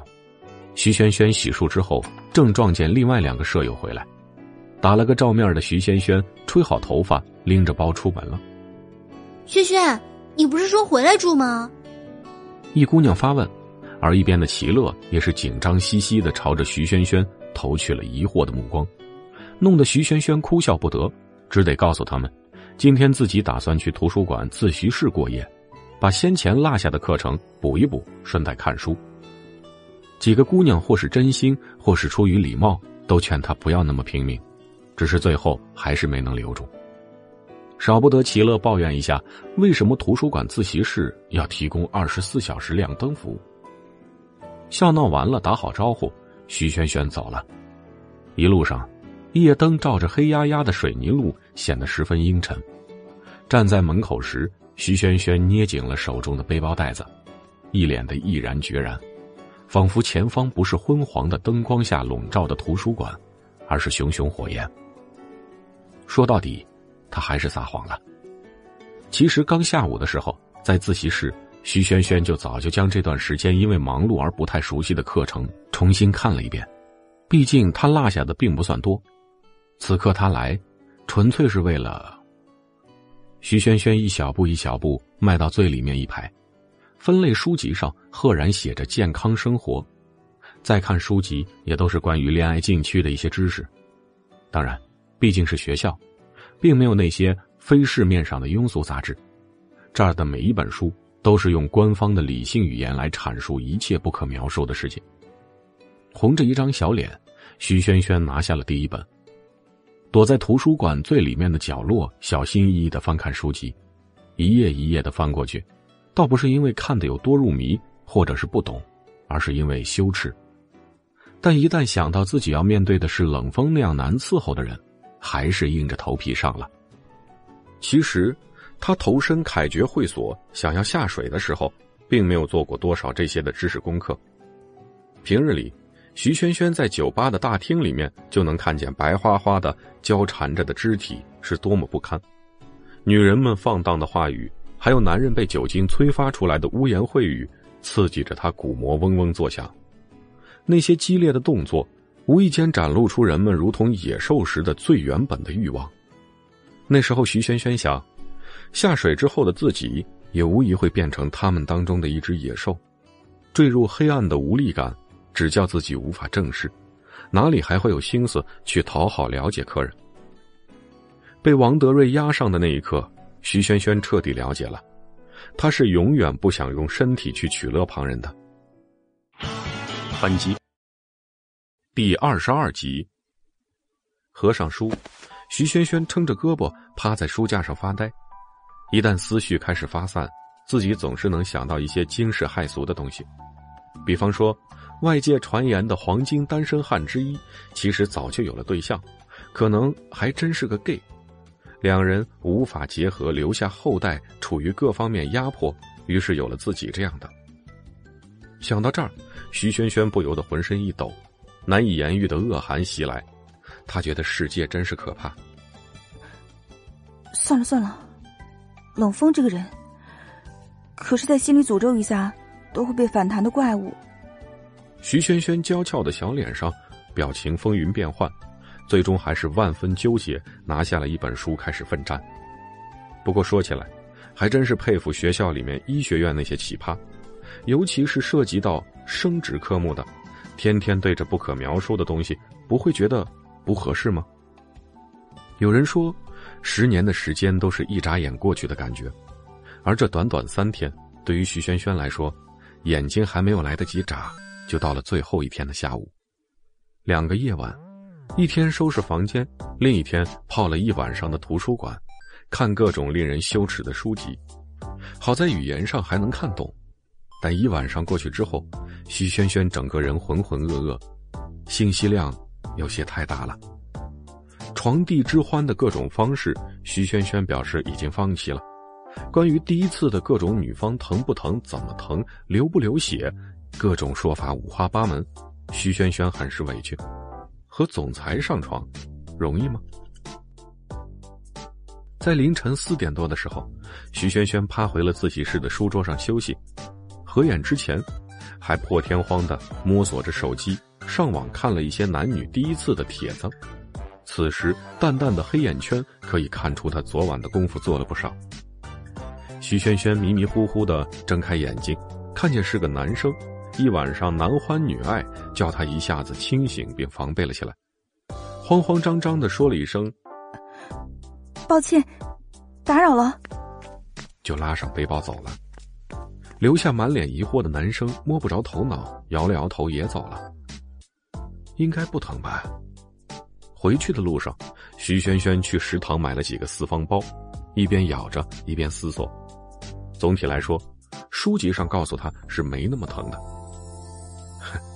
徐萱萱有点唾弃自己，还在学校，脑子里想什么呢？摸了摸脸蛋有点发烫，但这绝对不是被光线照的，毕竟还没有到正午，地面还在升温。等他回到宿舍的时候，齐乐还没有睡醒，而小雅早早的出去。另外一个姑娘指了指放在自己桌上的东西，说早上不知道是谁送来的，嘟囔着送东西的敲门声太大，打扰了自己休息。也准备出去，会有人送东西给我？徐萱萱很怀疑，毕竟自己在 Z 市中会认识的人，除了同学就只有爷爷。再来，拿起袋子里的东西瞧了瞧，果然是冷风那边认识的人送来的，一盒营养液，一包巧克力，自然是周琼。潇洒的字体在白纸上飞逸，写的。全是给自己留下的各种饮食方面的注意事项，顺带着还有自己日后的饮食方面也多有提点。遇见他好像也没那么糟。怕吵着齐乐，徐萱萱小声的说了一句，嘴角微微翘起，有些开心的样子。毕竟认识了这么多很好的人。哦，还有，你的东西在你回来之前就有人帮忙收走了。关门之前，那姑娘提醒了一下徐萱萱，他这才注意到放在桌上的书不是自己的，动作可真快。旋即想到了自己今天晚上不得不面对冷风，徐萱萱的手心出汗了。虽说自己好美，但是不色呀，长得再帅气也不能弥补冷风那个变态不正常的世界观。徐萱萱就是这么想的，去洗了个冷水脸，试图平复心情。突然间，手机铃声又响了起来，碰巧齐乐也是被自己设定的最后底线的闹钟给吵醒了。徐萱萱擦了擦手，接起了电话，打来的。正是自己前一天雇佣的保姆。爷爷醒了。突如其来的好消息叫徐萱萱一下子欢呼雀跃，随即红了眼眶。总算看见自己付出的努力成果了，打工，企图下水，签下契约，违背自己的原则做事，不过，也就是为了亲人能够活着。齐乐一下子从梦中睡醒了。胡乱穿着衣服，说要和徐萱萱一起去看爷爷，只是此时是一分钟、一秒钟，他都等不了了。慌忙赶到医院之后，徐萱萱赶不及听护士长或者是秦淑芬汇报病情，一下子就跪伏在徐成红的身边痛哭，泪水浸润了整个脸，模糊不清他眼前的世界。徐成红此刻正感觉自己从鬼门关那处晃荡了一圈，睁开眼睛。听说是自己的孙女儿一直在为自己劳心劳力，无微不至的照顾，让所有人都无不动容，让徐洪成的内心感慨万千。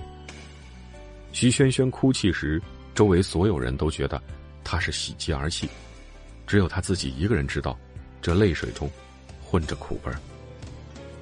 好不容易等到家人醒来，他却要真正去面对与自己签合同的冷风。这一次离开，说不定什么时候才能回来看望爷爷。前途不确定，总是叫人心慌意乱。哎，好了好了，这样不是挺好的？从床上爬起来的齐乐，也是跟在徐萱萱的后面来到了医院，只是七七八八的洗漱、穿衣服、收拾东西。等他到了的时候，徐萱萱趴在医院的床边哭累了，此时正在小声的抽泣的好友齐乐，很是心疼。哎，好孩子，没事了，啊，没事了。徐成红虽然年迈，但是那双长满鱼尾纹的眼角，却是被病痛折磨的疲惫，但却清明。此刻，他也饱含泪水。徐萱萱许久的泪水忍了又忍，深吸了一下，才揉了揉通红的眼睛，看向徐成红道：“爷爷。”你一定要坚持下去，所有的医疗费，我都可以筹到的。一起想起先前祖孙俩在得知了巨额的手术费后是怎样的抑郁，徐成红几乎是一夜白头，却不得不安抚孙女。为了不让孙女操心，他甚至提出了不看病，说不定自己回家疗养，还能好好享受为数不多的日子。徐萱萱却被医院告知。爷爷要是不动手术的话，活不过一个月，和小孩子一样哭闹着，甚至是以死相逼，才叫徐成红打消了放弃治疗的念头，一直笑着安慰着孙女，直到昏迷也没提过这件事情。你是怎么筹划到钱的呀？本集第二十三集，徐成红对于自己的孙女儿能够筹到钱，感觉到很惊讶。粗糙大手伸过来，帮徐轩轩将有点凌乱的发丝理到身后。是好心人帮我发起的捐款，这些爷爷就不要太担心了。徐轩轩乖巧的回答了徐成红的疑惑，跟小时候一样腼腆的笑笑，抹抹眼泪。一想起周围还有那么多人，才站起来，有些不好意思的说：“刚刚自己失态了。”护士们表示都理解。简单的说了一下徐先生的病情，就彼此拉着不相干的人都出去了。一干人将整个房间留给了祖孙俩，享受重逢的欢喜。徐成红和孙女儿聊了很多，兴许还是年老被病魔缠身的缘故，他变得怀旧，回忆着许多过去的事情，并且徐萱萱小时候的乐事，也不乏齐乐的参与。于是三人聊得很愉快。没过多久，爷爷醒来的喜悦就被接下来即将分别的愁云所笼罩。徐萱萱一直就感觉很慌乱，因为他知道，距离自己和冷风约定的时间节点越来越靠近了，自己马上就得去了。终于，这条如期而至的短信便彻底打破了自己和爷爷一切享受重逢的最后时刻。齐乐很快就感觉到闺蜜捏着手机不自觉的颤抖，随即，他感到徐萱萱。在徐成红看不见的地方，轻轻的拍了拍他的手背。从刚刚徐萱萱说自己收到了好心人的馈赠时，他就想问了。毕竟怎么说，冷风都不像是一个长了一副慈善家的面貌。我。徐萱萱看过去，朝着齐乐的方向张了张嘴，终究是什么都没有说出口。想起爷爷的手术费，还有合同的定金。徐萱萱知道自己该去履行自己的职责，娇俏的小脸上挣扎着，内心却是一脸的决然。怎么了？有事啊？徐成红显然注意到了孙女的心不在焉，不由得发问。齐乐先一步说出口：“没事，徐轩他只是太累了。”徐轩轩点点头，算是默认。徐成红很是慈爱。叹了口气，叫孙女儿不要勉强。不久，又开始昏昏欲睡。徐轩轩很想哭，但是却没有如愿以偿。在爷爷说罚卷的时候，他乖顺的将爷爷病床上的被单拉好，压了压被角，开口，话语中有些踌躇：“爷爷，最近我要开始准备教授的摸底测试，还有一些报告论文要写，可能……”没有这么多时间来照顾你了。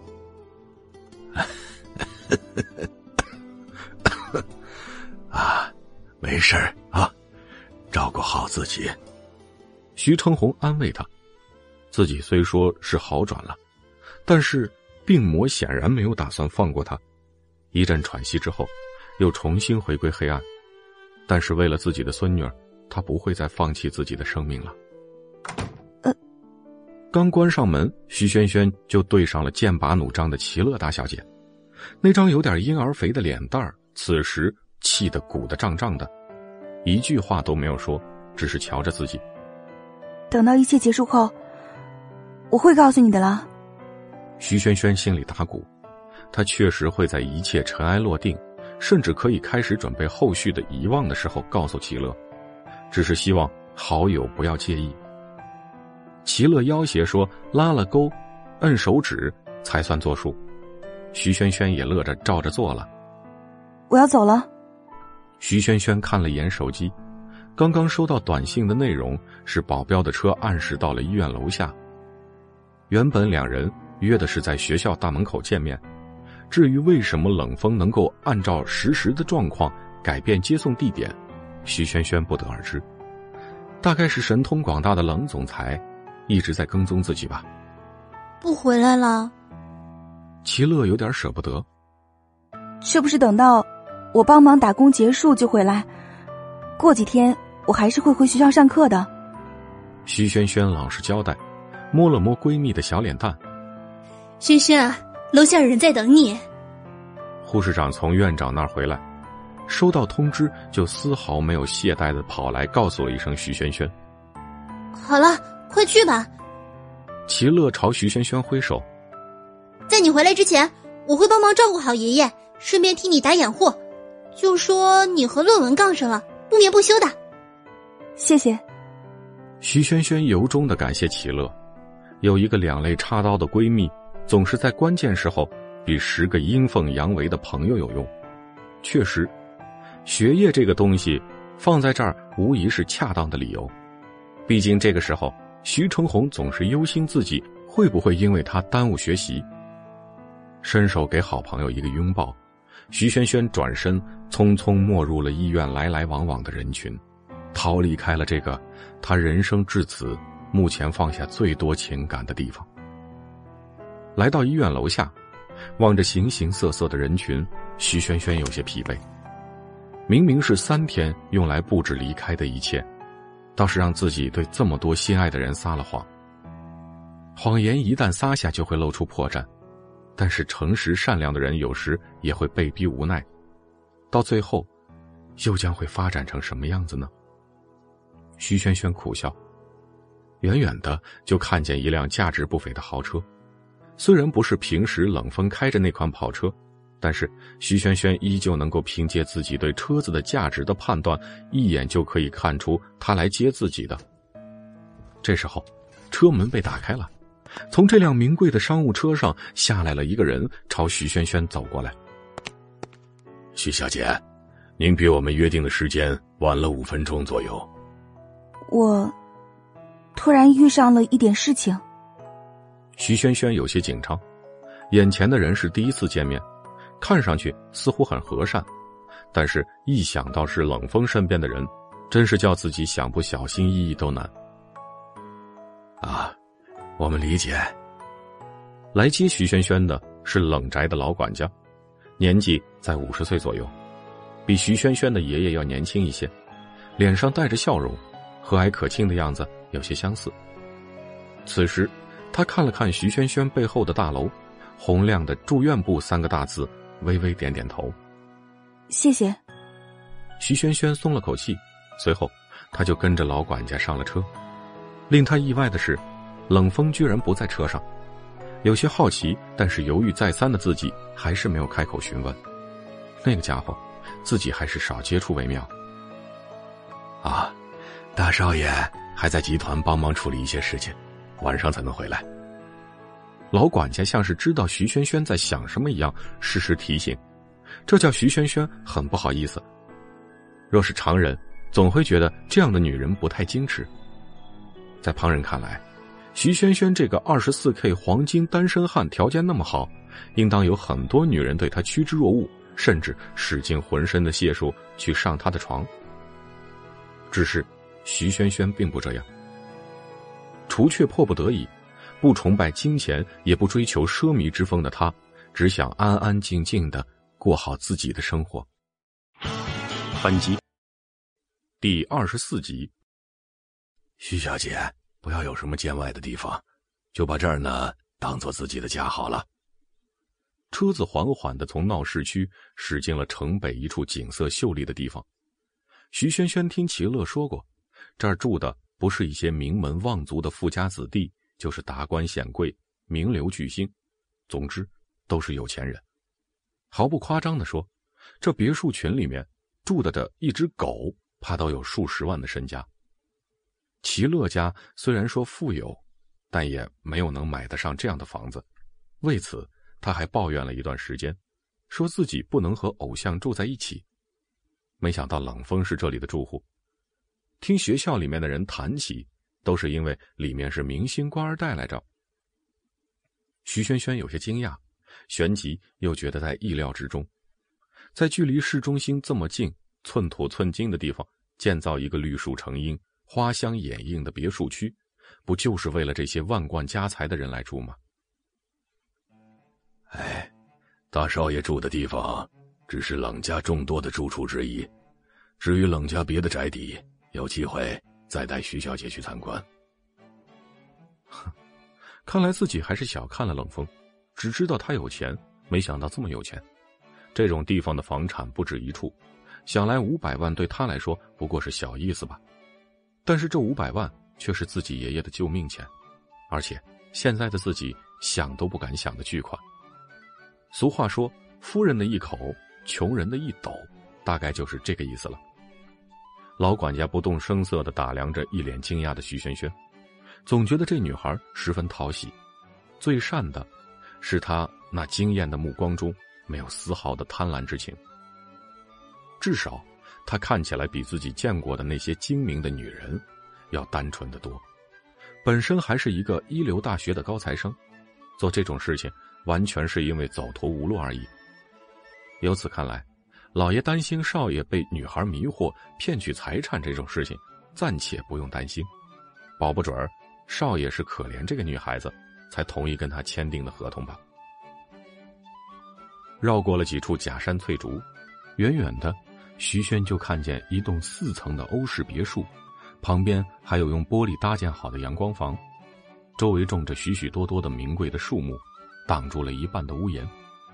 想来春夏秋冬四季都可以坐在里边享受阳光和阴凉。那边是以前夫人自己设计的阳光房，少爷很喜欢在里边待着。老管家不禁回忆起了冷子墨的第一任夫人，那位睿智美丽的女性生前是冷家最受欢迎的人。可惜天妒红颜，她的离世总是令人忍不住扼腕叹息。徐萱萱注意到这个关键词，特意百度过冷风的各种八卦资料的他，心下猜了个八九不离十，不由得感慨：这豪门恩怨纷争，怕也不是空穴来风。老管家只是提了一二，又说了些关于冷家基本要了解的事情，就领着徐萱萱去了冷宅的一楼大厅。下车的时候，徐萱萱看见了那处阳光房，微微出神。此时夕阳早已下坠，绚丽的红霞遍布整个天空，渲染着斑斓的色彩。玻璃房倒映着天空妖艳的颜色，几乎与树影晚霞混成了一体。好美！徐萱萱不由得惊叹：这样的一间屋子的设计者，一定是充满了灵气和魅力的女人。也不难看出。冷风的母亲是怎样的与世界亲近，并且充满了理性与感性的光辉？为什么他生出来的儿子却是这样一个不近人情、除了好看有手段，其他几乎一窍不通的家伙呢？徐萱萱不由得纳闷。老管家笑而不语，先是在门口就交代了冷宅的一些要求。第一个规定，这房子大少爷有规定，就是他的书房除了他一个人之外。都不得入内。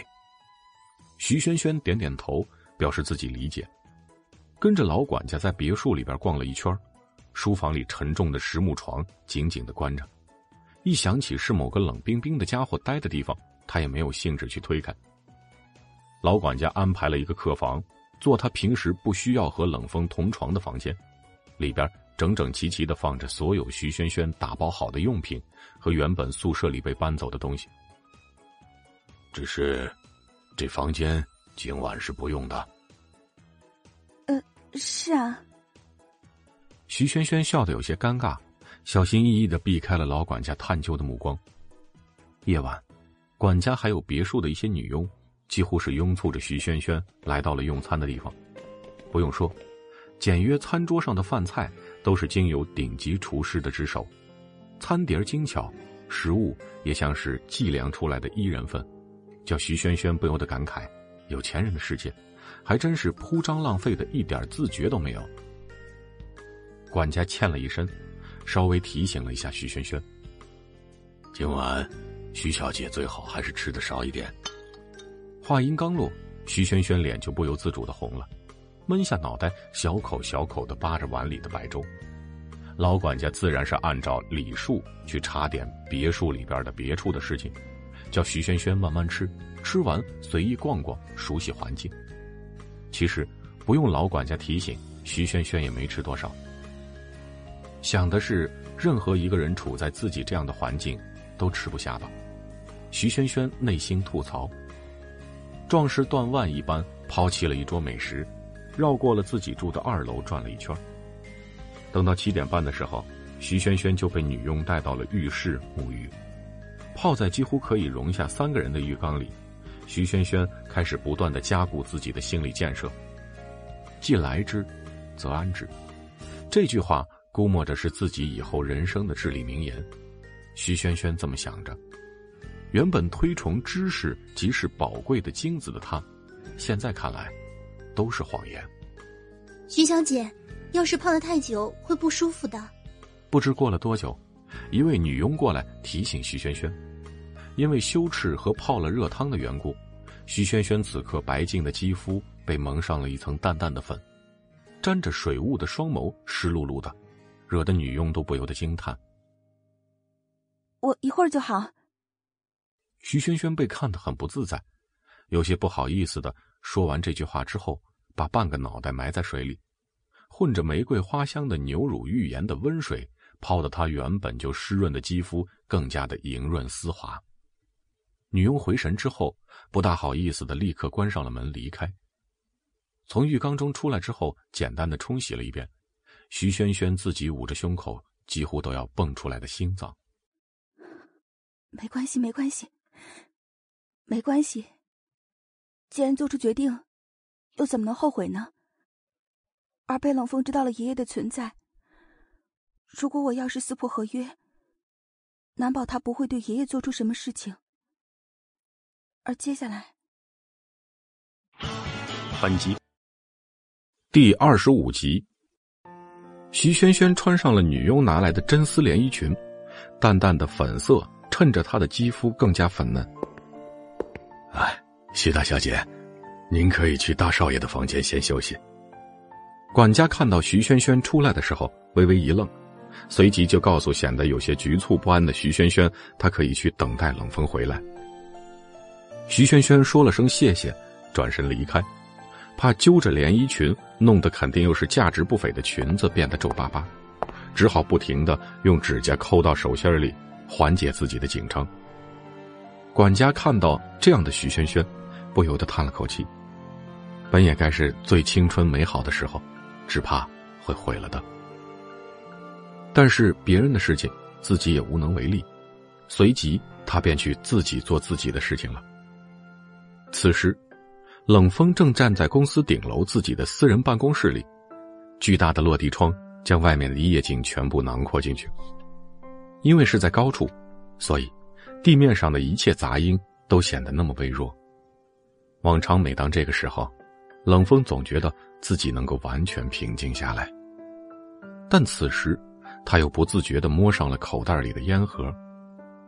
保养的相当修长的手指，看不出有沾染烟瘾的痕迹，轻轻的捏住盒中的卷烟，抽出，火机清脆的声音在寂静的夜色中格外刺眼。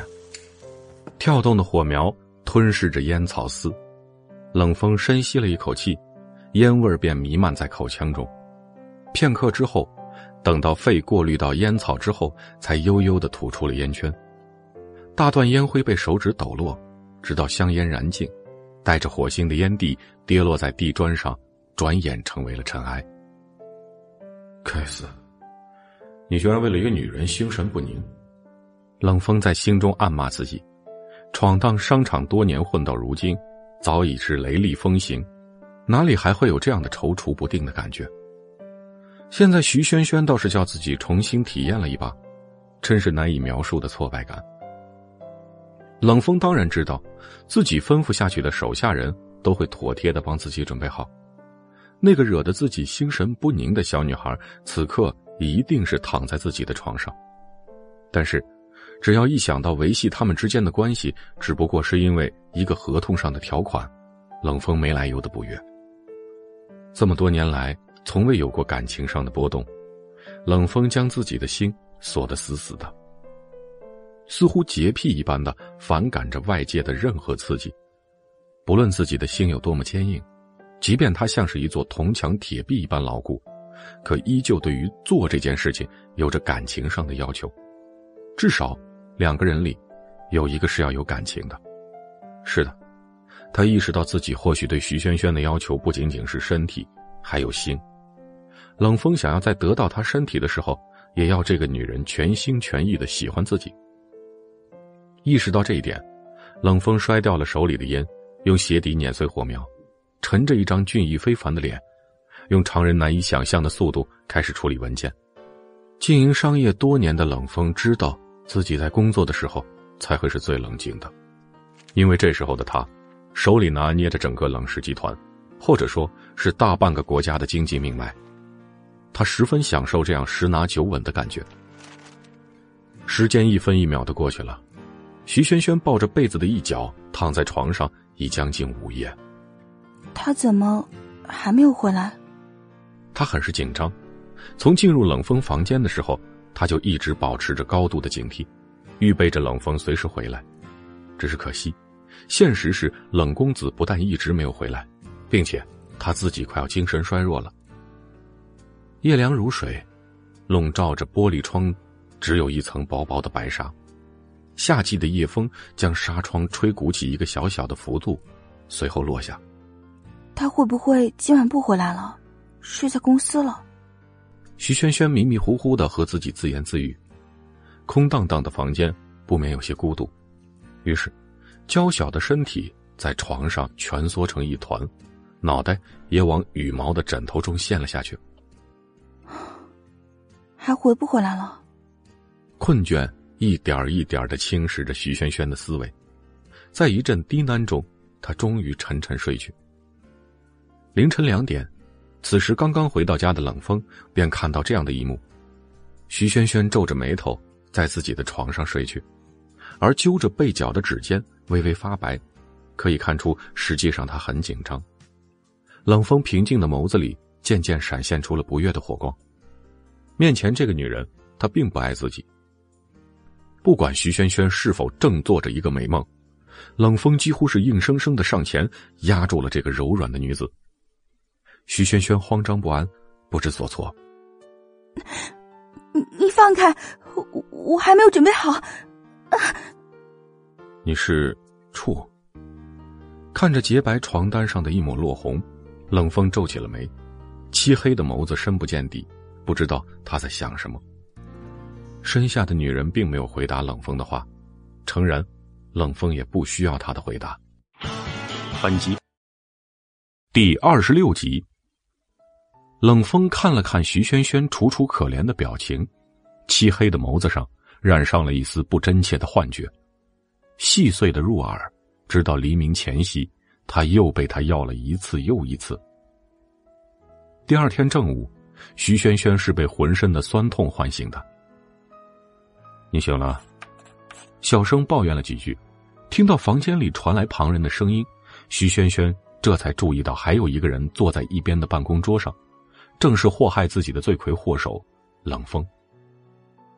冷风挑眉，身体上的满足总会给人带来愉悦的享受和心情，就算是被称作万年冰霜的自己也不例外。需要什么，就让佣人给你拿。说着，冷风就下楼去了餐厅，慢条斯理的吃起了迟来的早餐。老管家站在一边，笑眯眯的看着，内心不由得替冷风真心的开心。要知道，自从前任夫人去世之后，他很久都没有流露出任何的感情。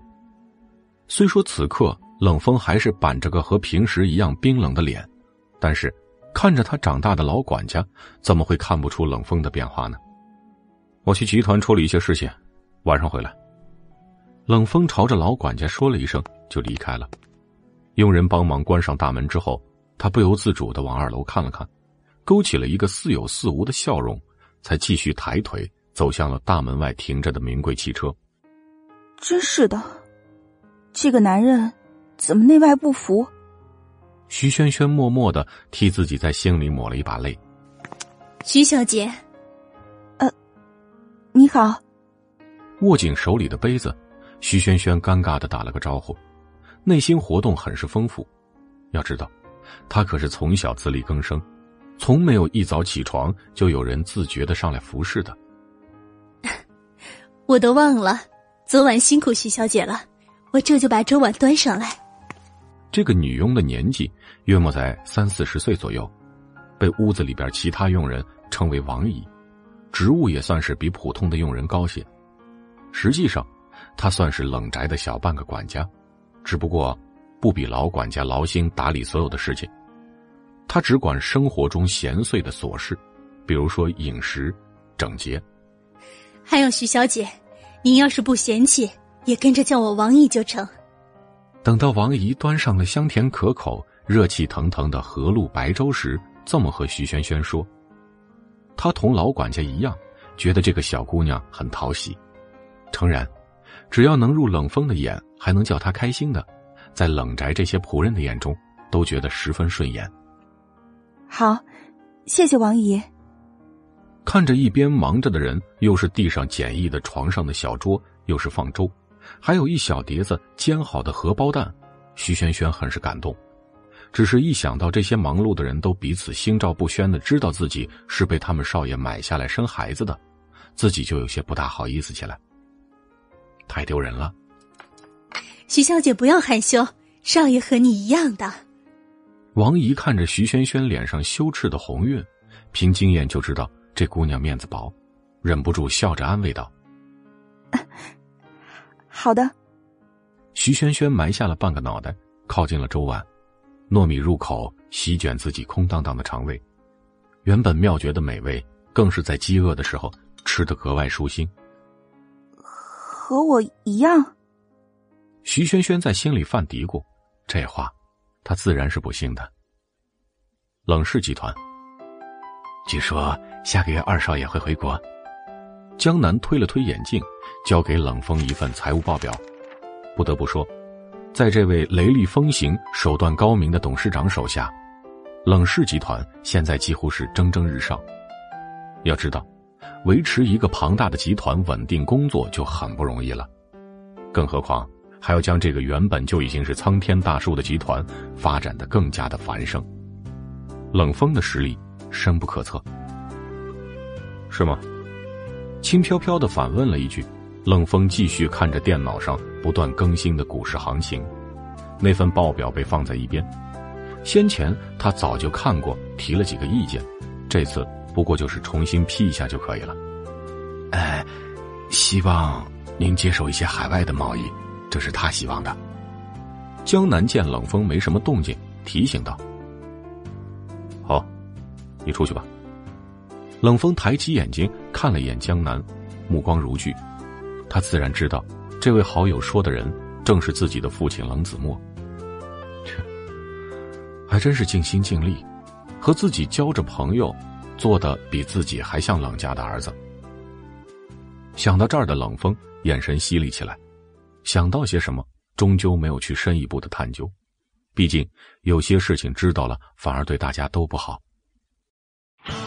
本集第二十七集，签好财务报表的审核，冷风掏出手机给家里打了一个电话，问候徐萱萱的情况。忽然想起那个小姑娘昨晚向自己求饶的模样，顿时心里升起了一丝异样的感觉。这种感觉还不错。大少爷打电话过来问候徐小姐呢。王姨端着水果沙拉上楼的时候，正好碰见了徐萱萱手里拿着一本资料在翻看，认真专注的模样，像极了以前夫人设计图纸时的神态。只是徐萱萱不同于他。除却认真的镜头，浑然与夫人迥异。我知道了，谢谢。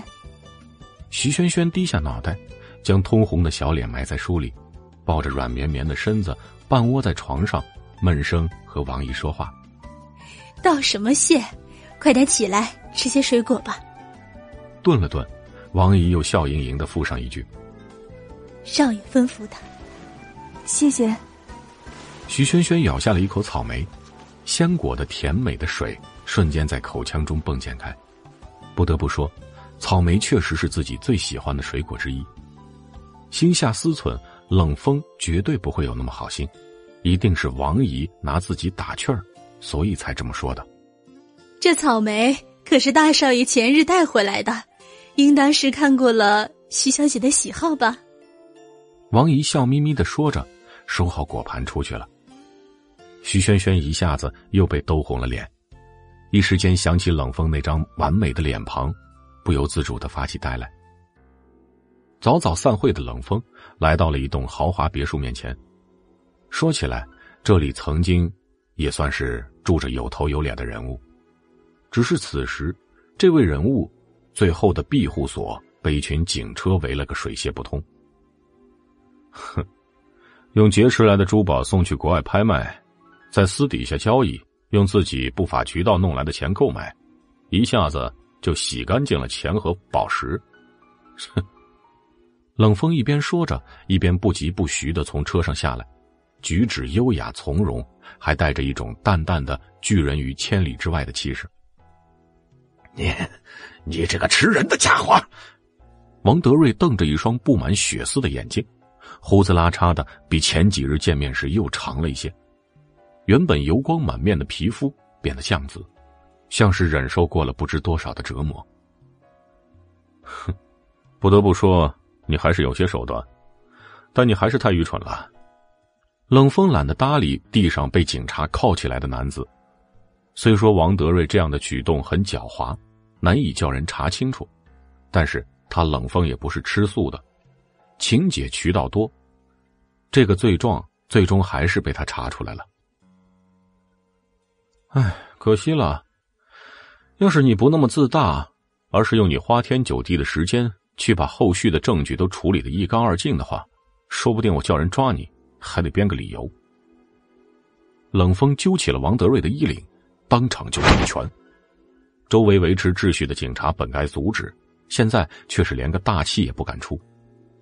开玩笑，总是有人能够轻易的凌驾于规则之上。冷风就是把人打死了，也没人敢吱着声。说不定法官随便给王德瑞扯个死罪，最后还是不了了之。你应该庆幸，你还没动他。打完了这一拳之后。冷风就像是丢垃圾一样，把王德瑞抛在地上，沉着脸说出了这么一句话，转身叫江南提供资料，简单的和警官聊了几句就离开了。和这样没脑子的人渣待在一起，可真是拉低他的身份。王德瑞被这一拳揍得脑袋发胀，鼻血止不住，很快青紫的伤痕浮肿，疼得他嗷嗷直叫，他不甘心。这几天，他几乎没有过过一个人的日子，东躲西藏，无所遁形，所有的财产被狐朋狗友掏空，不然就是被银行扣押。阮景玉那个贱人也是借机哭诉了一通，在媒体面前自己洗得白白净净，却把脏水毫不留情的泼给了自己。好生在牢里待着吧，啊！这是江南奉劝的。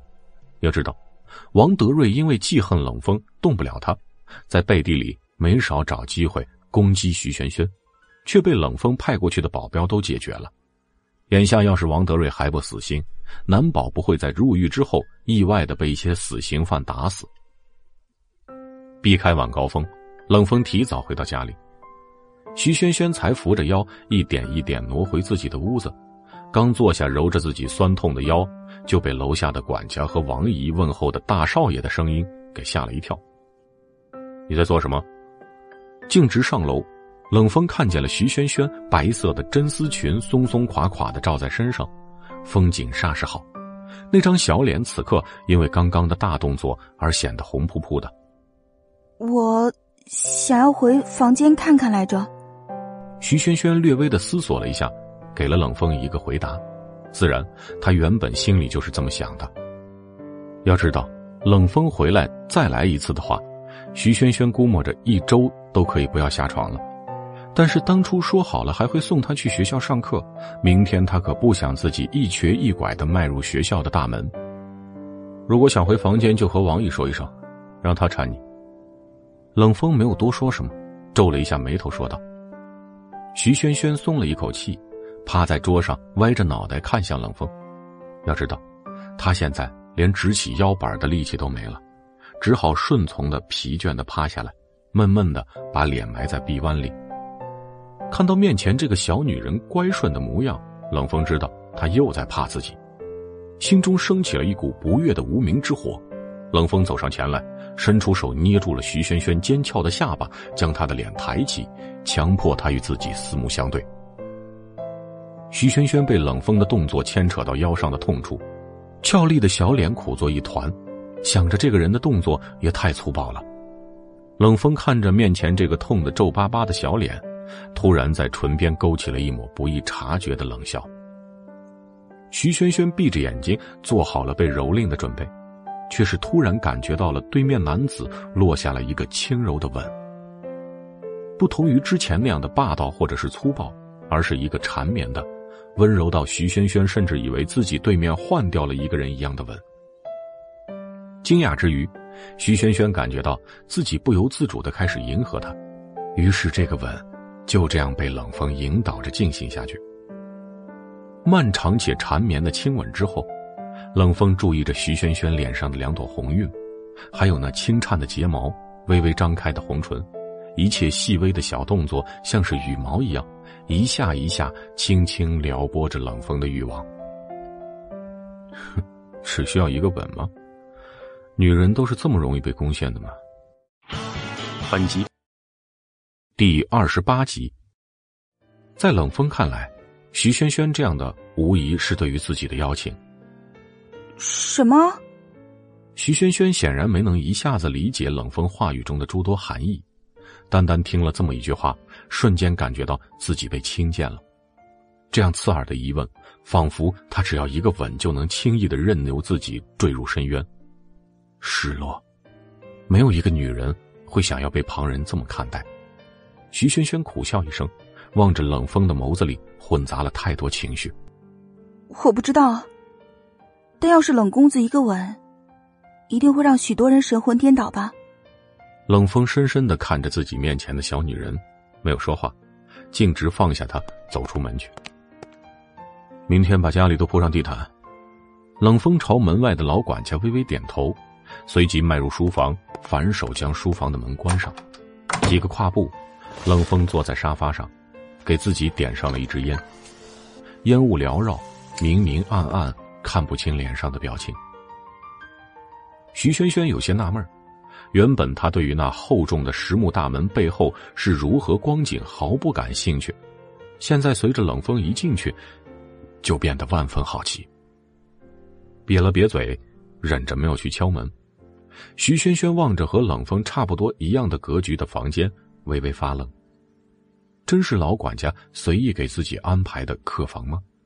话说，刚刚冷风出去的时候，似乎不太开心。呃，徐小姐，和少爷闹矛盾了吗？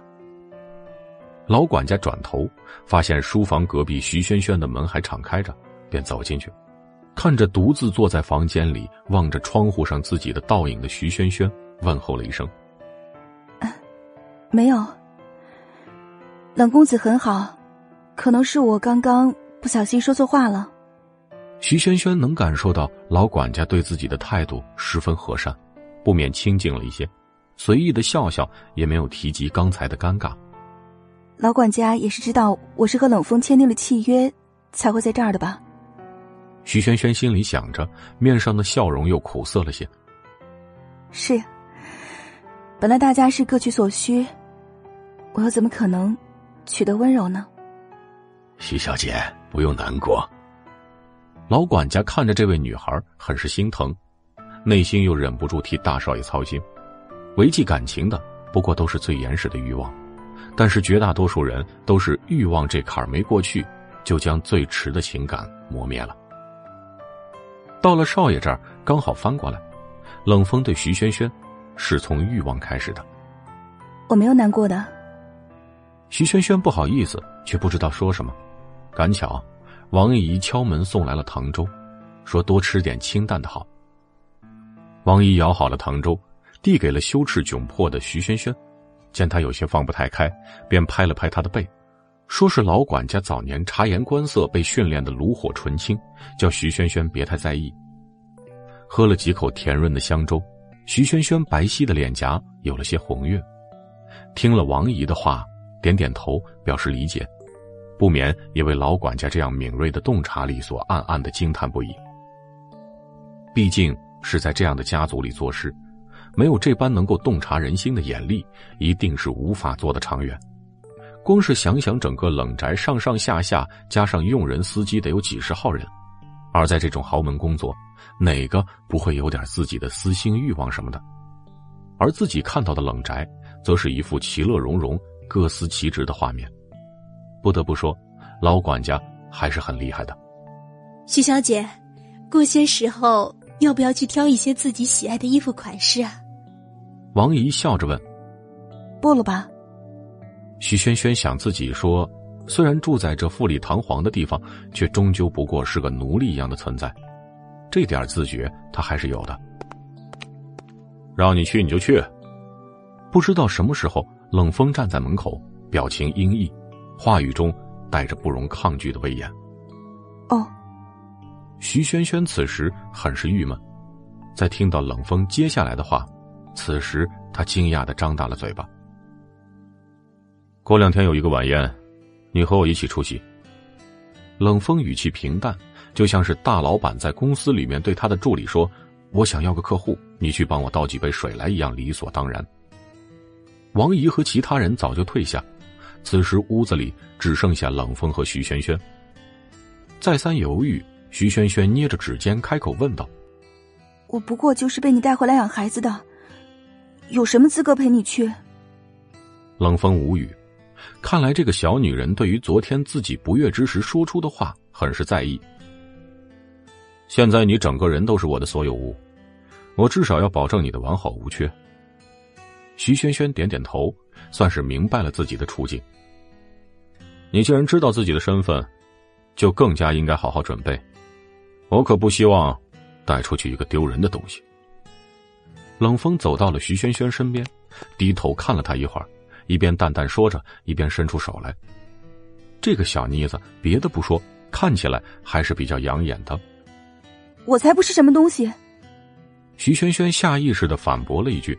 却发现自己的话听起来似乎是有些奇怪，还没来得及补充一句，就感受到冷风手上常年批阅文件的磨出了茧子的手摩挲着自己的脸蛋动作轻柔的有点不适。徐萱萱忍不住微微后退。要知道，刚刚发生的事情叫他在心里笃信冷风所有的温柔都是骗局。尽管徐萱萱不断告诉自己要保持镇定，可是被触碰的地方有些火辣辣的麻。在冷风眼里，徐萱萱俨然成为了自己的私有物品，不管自己怎么对她，那都是冷风的事情，别人无权干涉，也无权插足。无论是什么事情，只要是别人，一律不可碰。哼，我说你是就是。果不其然，冷风冰冷的脸上再次露出了戏谑的微妙表情，这叫徐萱萱有点无地自容。一想起自己以后要面对这样的一张脸，他就有些害怕。这样的完美脸庞，再配上他方才的温柔气息，俨然形成了一道常人无法抵御的攻势。为什么自己总会被这个恶魔虚假的温柔所蒙骗呢？你既然这么自觉，就好好照顾好自己。冷风很不满意这个女人在自己面前发散思维，有些用力的捏起徐萱萱的下巴，强迫她看着自己。作为我的东西，你要有一些自觉，你的眼里只能装下我。徐萱萱吃痛，回过神，对上了冷风犀利的目光。他表示自己从冷风的眼里看见了几乎是不正常的占有欲。难道冷风看来所有的东西，就算是人，也可以成为自己独有的吗？抱歉，我想我们的合约上没有这一条。徐萱萱嗫嚅的说着，说完这句话，他就感受到周围的寒气重了几分。那么一瞬间。他似乎是捕捉到了冷风眼里的杀气，深深的凝视着面前的徐轩轩，那漆黑的眸子里深不见底。徐轩轩感到自己就要被吸进去了，微微松手，冷风放开了徐轩轩的下巴，直起身子没有说话，而是径自走出了房间。徐轩轩知道，自己似乎又惹怒了这个脾气古怪的男人。本集第二十九集。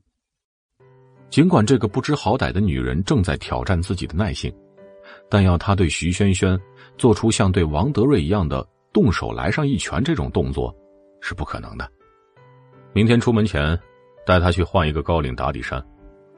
抬起徐萱萱下颚的时候，冷风瞥见自己在她脖子上留下了一小块暧昧不清的痕迹，眸色暗了暗，对门外一直候着的女佣说了一句：“女佣很机灵。”没进来打扰两人，而是在门外小声的应诺着。嗯，徐萱萱倒是没有这个自觉，有点疑惑的揪住了自己的裙摆，看了看，让冷风觉得这女人还是一如既往的迟钝。该休息了。冷风说完这句话，就捏着徐萱萱的下巴送去了一个激进粗暴的亲吻，将徐萱萱粉嫩的唇弄得殷红如血。唇角上也挂上了暧昧的银丝，才作罢。我晚上可以在这里休息吗？徐萱萱被吻得有些缺氧，喘口气，将嘴角的银丝抹去，一双沁出些许生理泪水的湿漉漉的小眼睛眨呀眨的，让原本打算让徐萱萱一个人休息的冷风当即改了主意。不，去我的房间。随后的两个小时，消食结束的徐萱萱在女佣和王姨的帮助下清洗了身子。沐浴前。徐萱萱看着被水雾沾染的、显得有些朦胧的镜子里自己洁白的身子上暧昧的青紫色痕迹，羞得无地自容。随后，她被好意穿上了粉色吊带裙，搀去了冷风的房间。诱惑我？冷风放下了手中的商业报纸，深邃的眸子直直的看着徐萱萱，结果却被他满是不甘的瞪了一眼。算了，看在合同的份上，不再和一个冰山计较。徐萱萱是这么想的，随后认命一样抱着被子，在一脚躺在床上。我没打算动你。冷风勾了勾唇角，戏谑的表情让徐萱萱的心漏跳了一拍但是显然他还没有反应过来冷风话里的巨大信息。瞅着被媒体报道听说禁欲了将近十年的男人朝自己走来的时候，还是下意识的往被子里缩。看到他又开始表现出惧怕自己的模样，冷风略有些不满。宽容大度，没和徐萱萱这样一个小女人计较，于是躺下来，搂着紧张万分的徐萱萱进入了梦乡。嗯，徐萱萱感觉到腰上突然多出来的手，下意识闭上了眼睛认命。可惜等了许久，没见到冷风做下一步动作，这才从被子里探出半个脑袋，睡了。徐萱萱张了张嘴，但是却没有发声。不得不说，自己一瞬间内心有一点小庆幸，但也只是一会儿。一会儿之后，徐萱萱就被身边美男子的品貌吸引了，再一次端详起了冷风的容貌。落地窗的窗帘并没有拉上，皎洁的月光有些许直接的洒在屋里的地板上，有些则是透过了绿叶间细小的间隙，洒在了靠窗的办公桌和小沙发上。斑驳陆离，夜晚轻柔的月光和沉重的黑影，将冷风原本如同美工雕刻出来的五官显得更加立体。没有苏醒的时候的威压和冷漠，柔柔的月光笼罩下，冷风睡得很是安静。那睡颜让徐萱萱感觉他就是一位淡定从容、优雅风流的贵族夜精灵。要一直待在他身边，不心动。也很难吧？徐萱萱脑子里突然蹦出了一个幼小版的萌系恶魔对自己说，当即又是一愣。关键是同时又蹦出来另外一个缩小版的萌系天使，仔细端详了一番冷风的容貌的样子，叹了一口气，附和道：“对呀，对呀。”一夜无梦。冷风兴许是因为前一天工作太晚，有些疲倦，于是睡得很沉。徐萱萱虽说前一天是被折腾的很厉害，但是毕竟第二天补眠大半天，倒是很有精神，痴痴的看着冷风的脸，不知什么时候才入的睡。需要我把你吻醒吗？本集第三十集，阳光暖融融的照到了屋子里，很自然的将床上两人唤醒，只是一个眯开眼，一个继续装睡。我不介意吻醒你。刚刚睡醒的时候，冷风原本富有磁性的低沉声音，此时更像是含了磁核一般。没想到冷公子也是有童年的，好歹知道睡美人呢。徐萱萱暗自吐槽，佯装刚睡醒的样子，却不知道自己耳垂粉红，藏都藏不住羞怯。明知道这个男人又在嘲讽自己，却是无法对面前这个面容完美的人生起气来。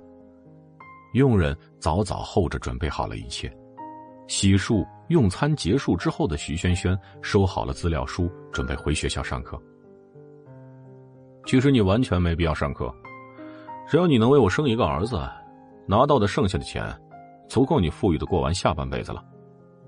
想到一会儿徐萱萱就要离开自己的视野范围，冷风感到自己的占有欲开始作祟。不，学习是我的权利。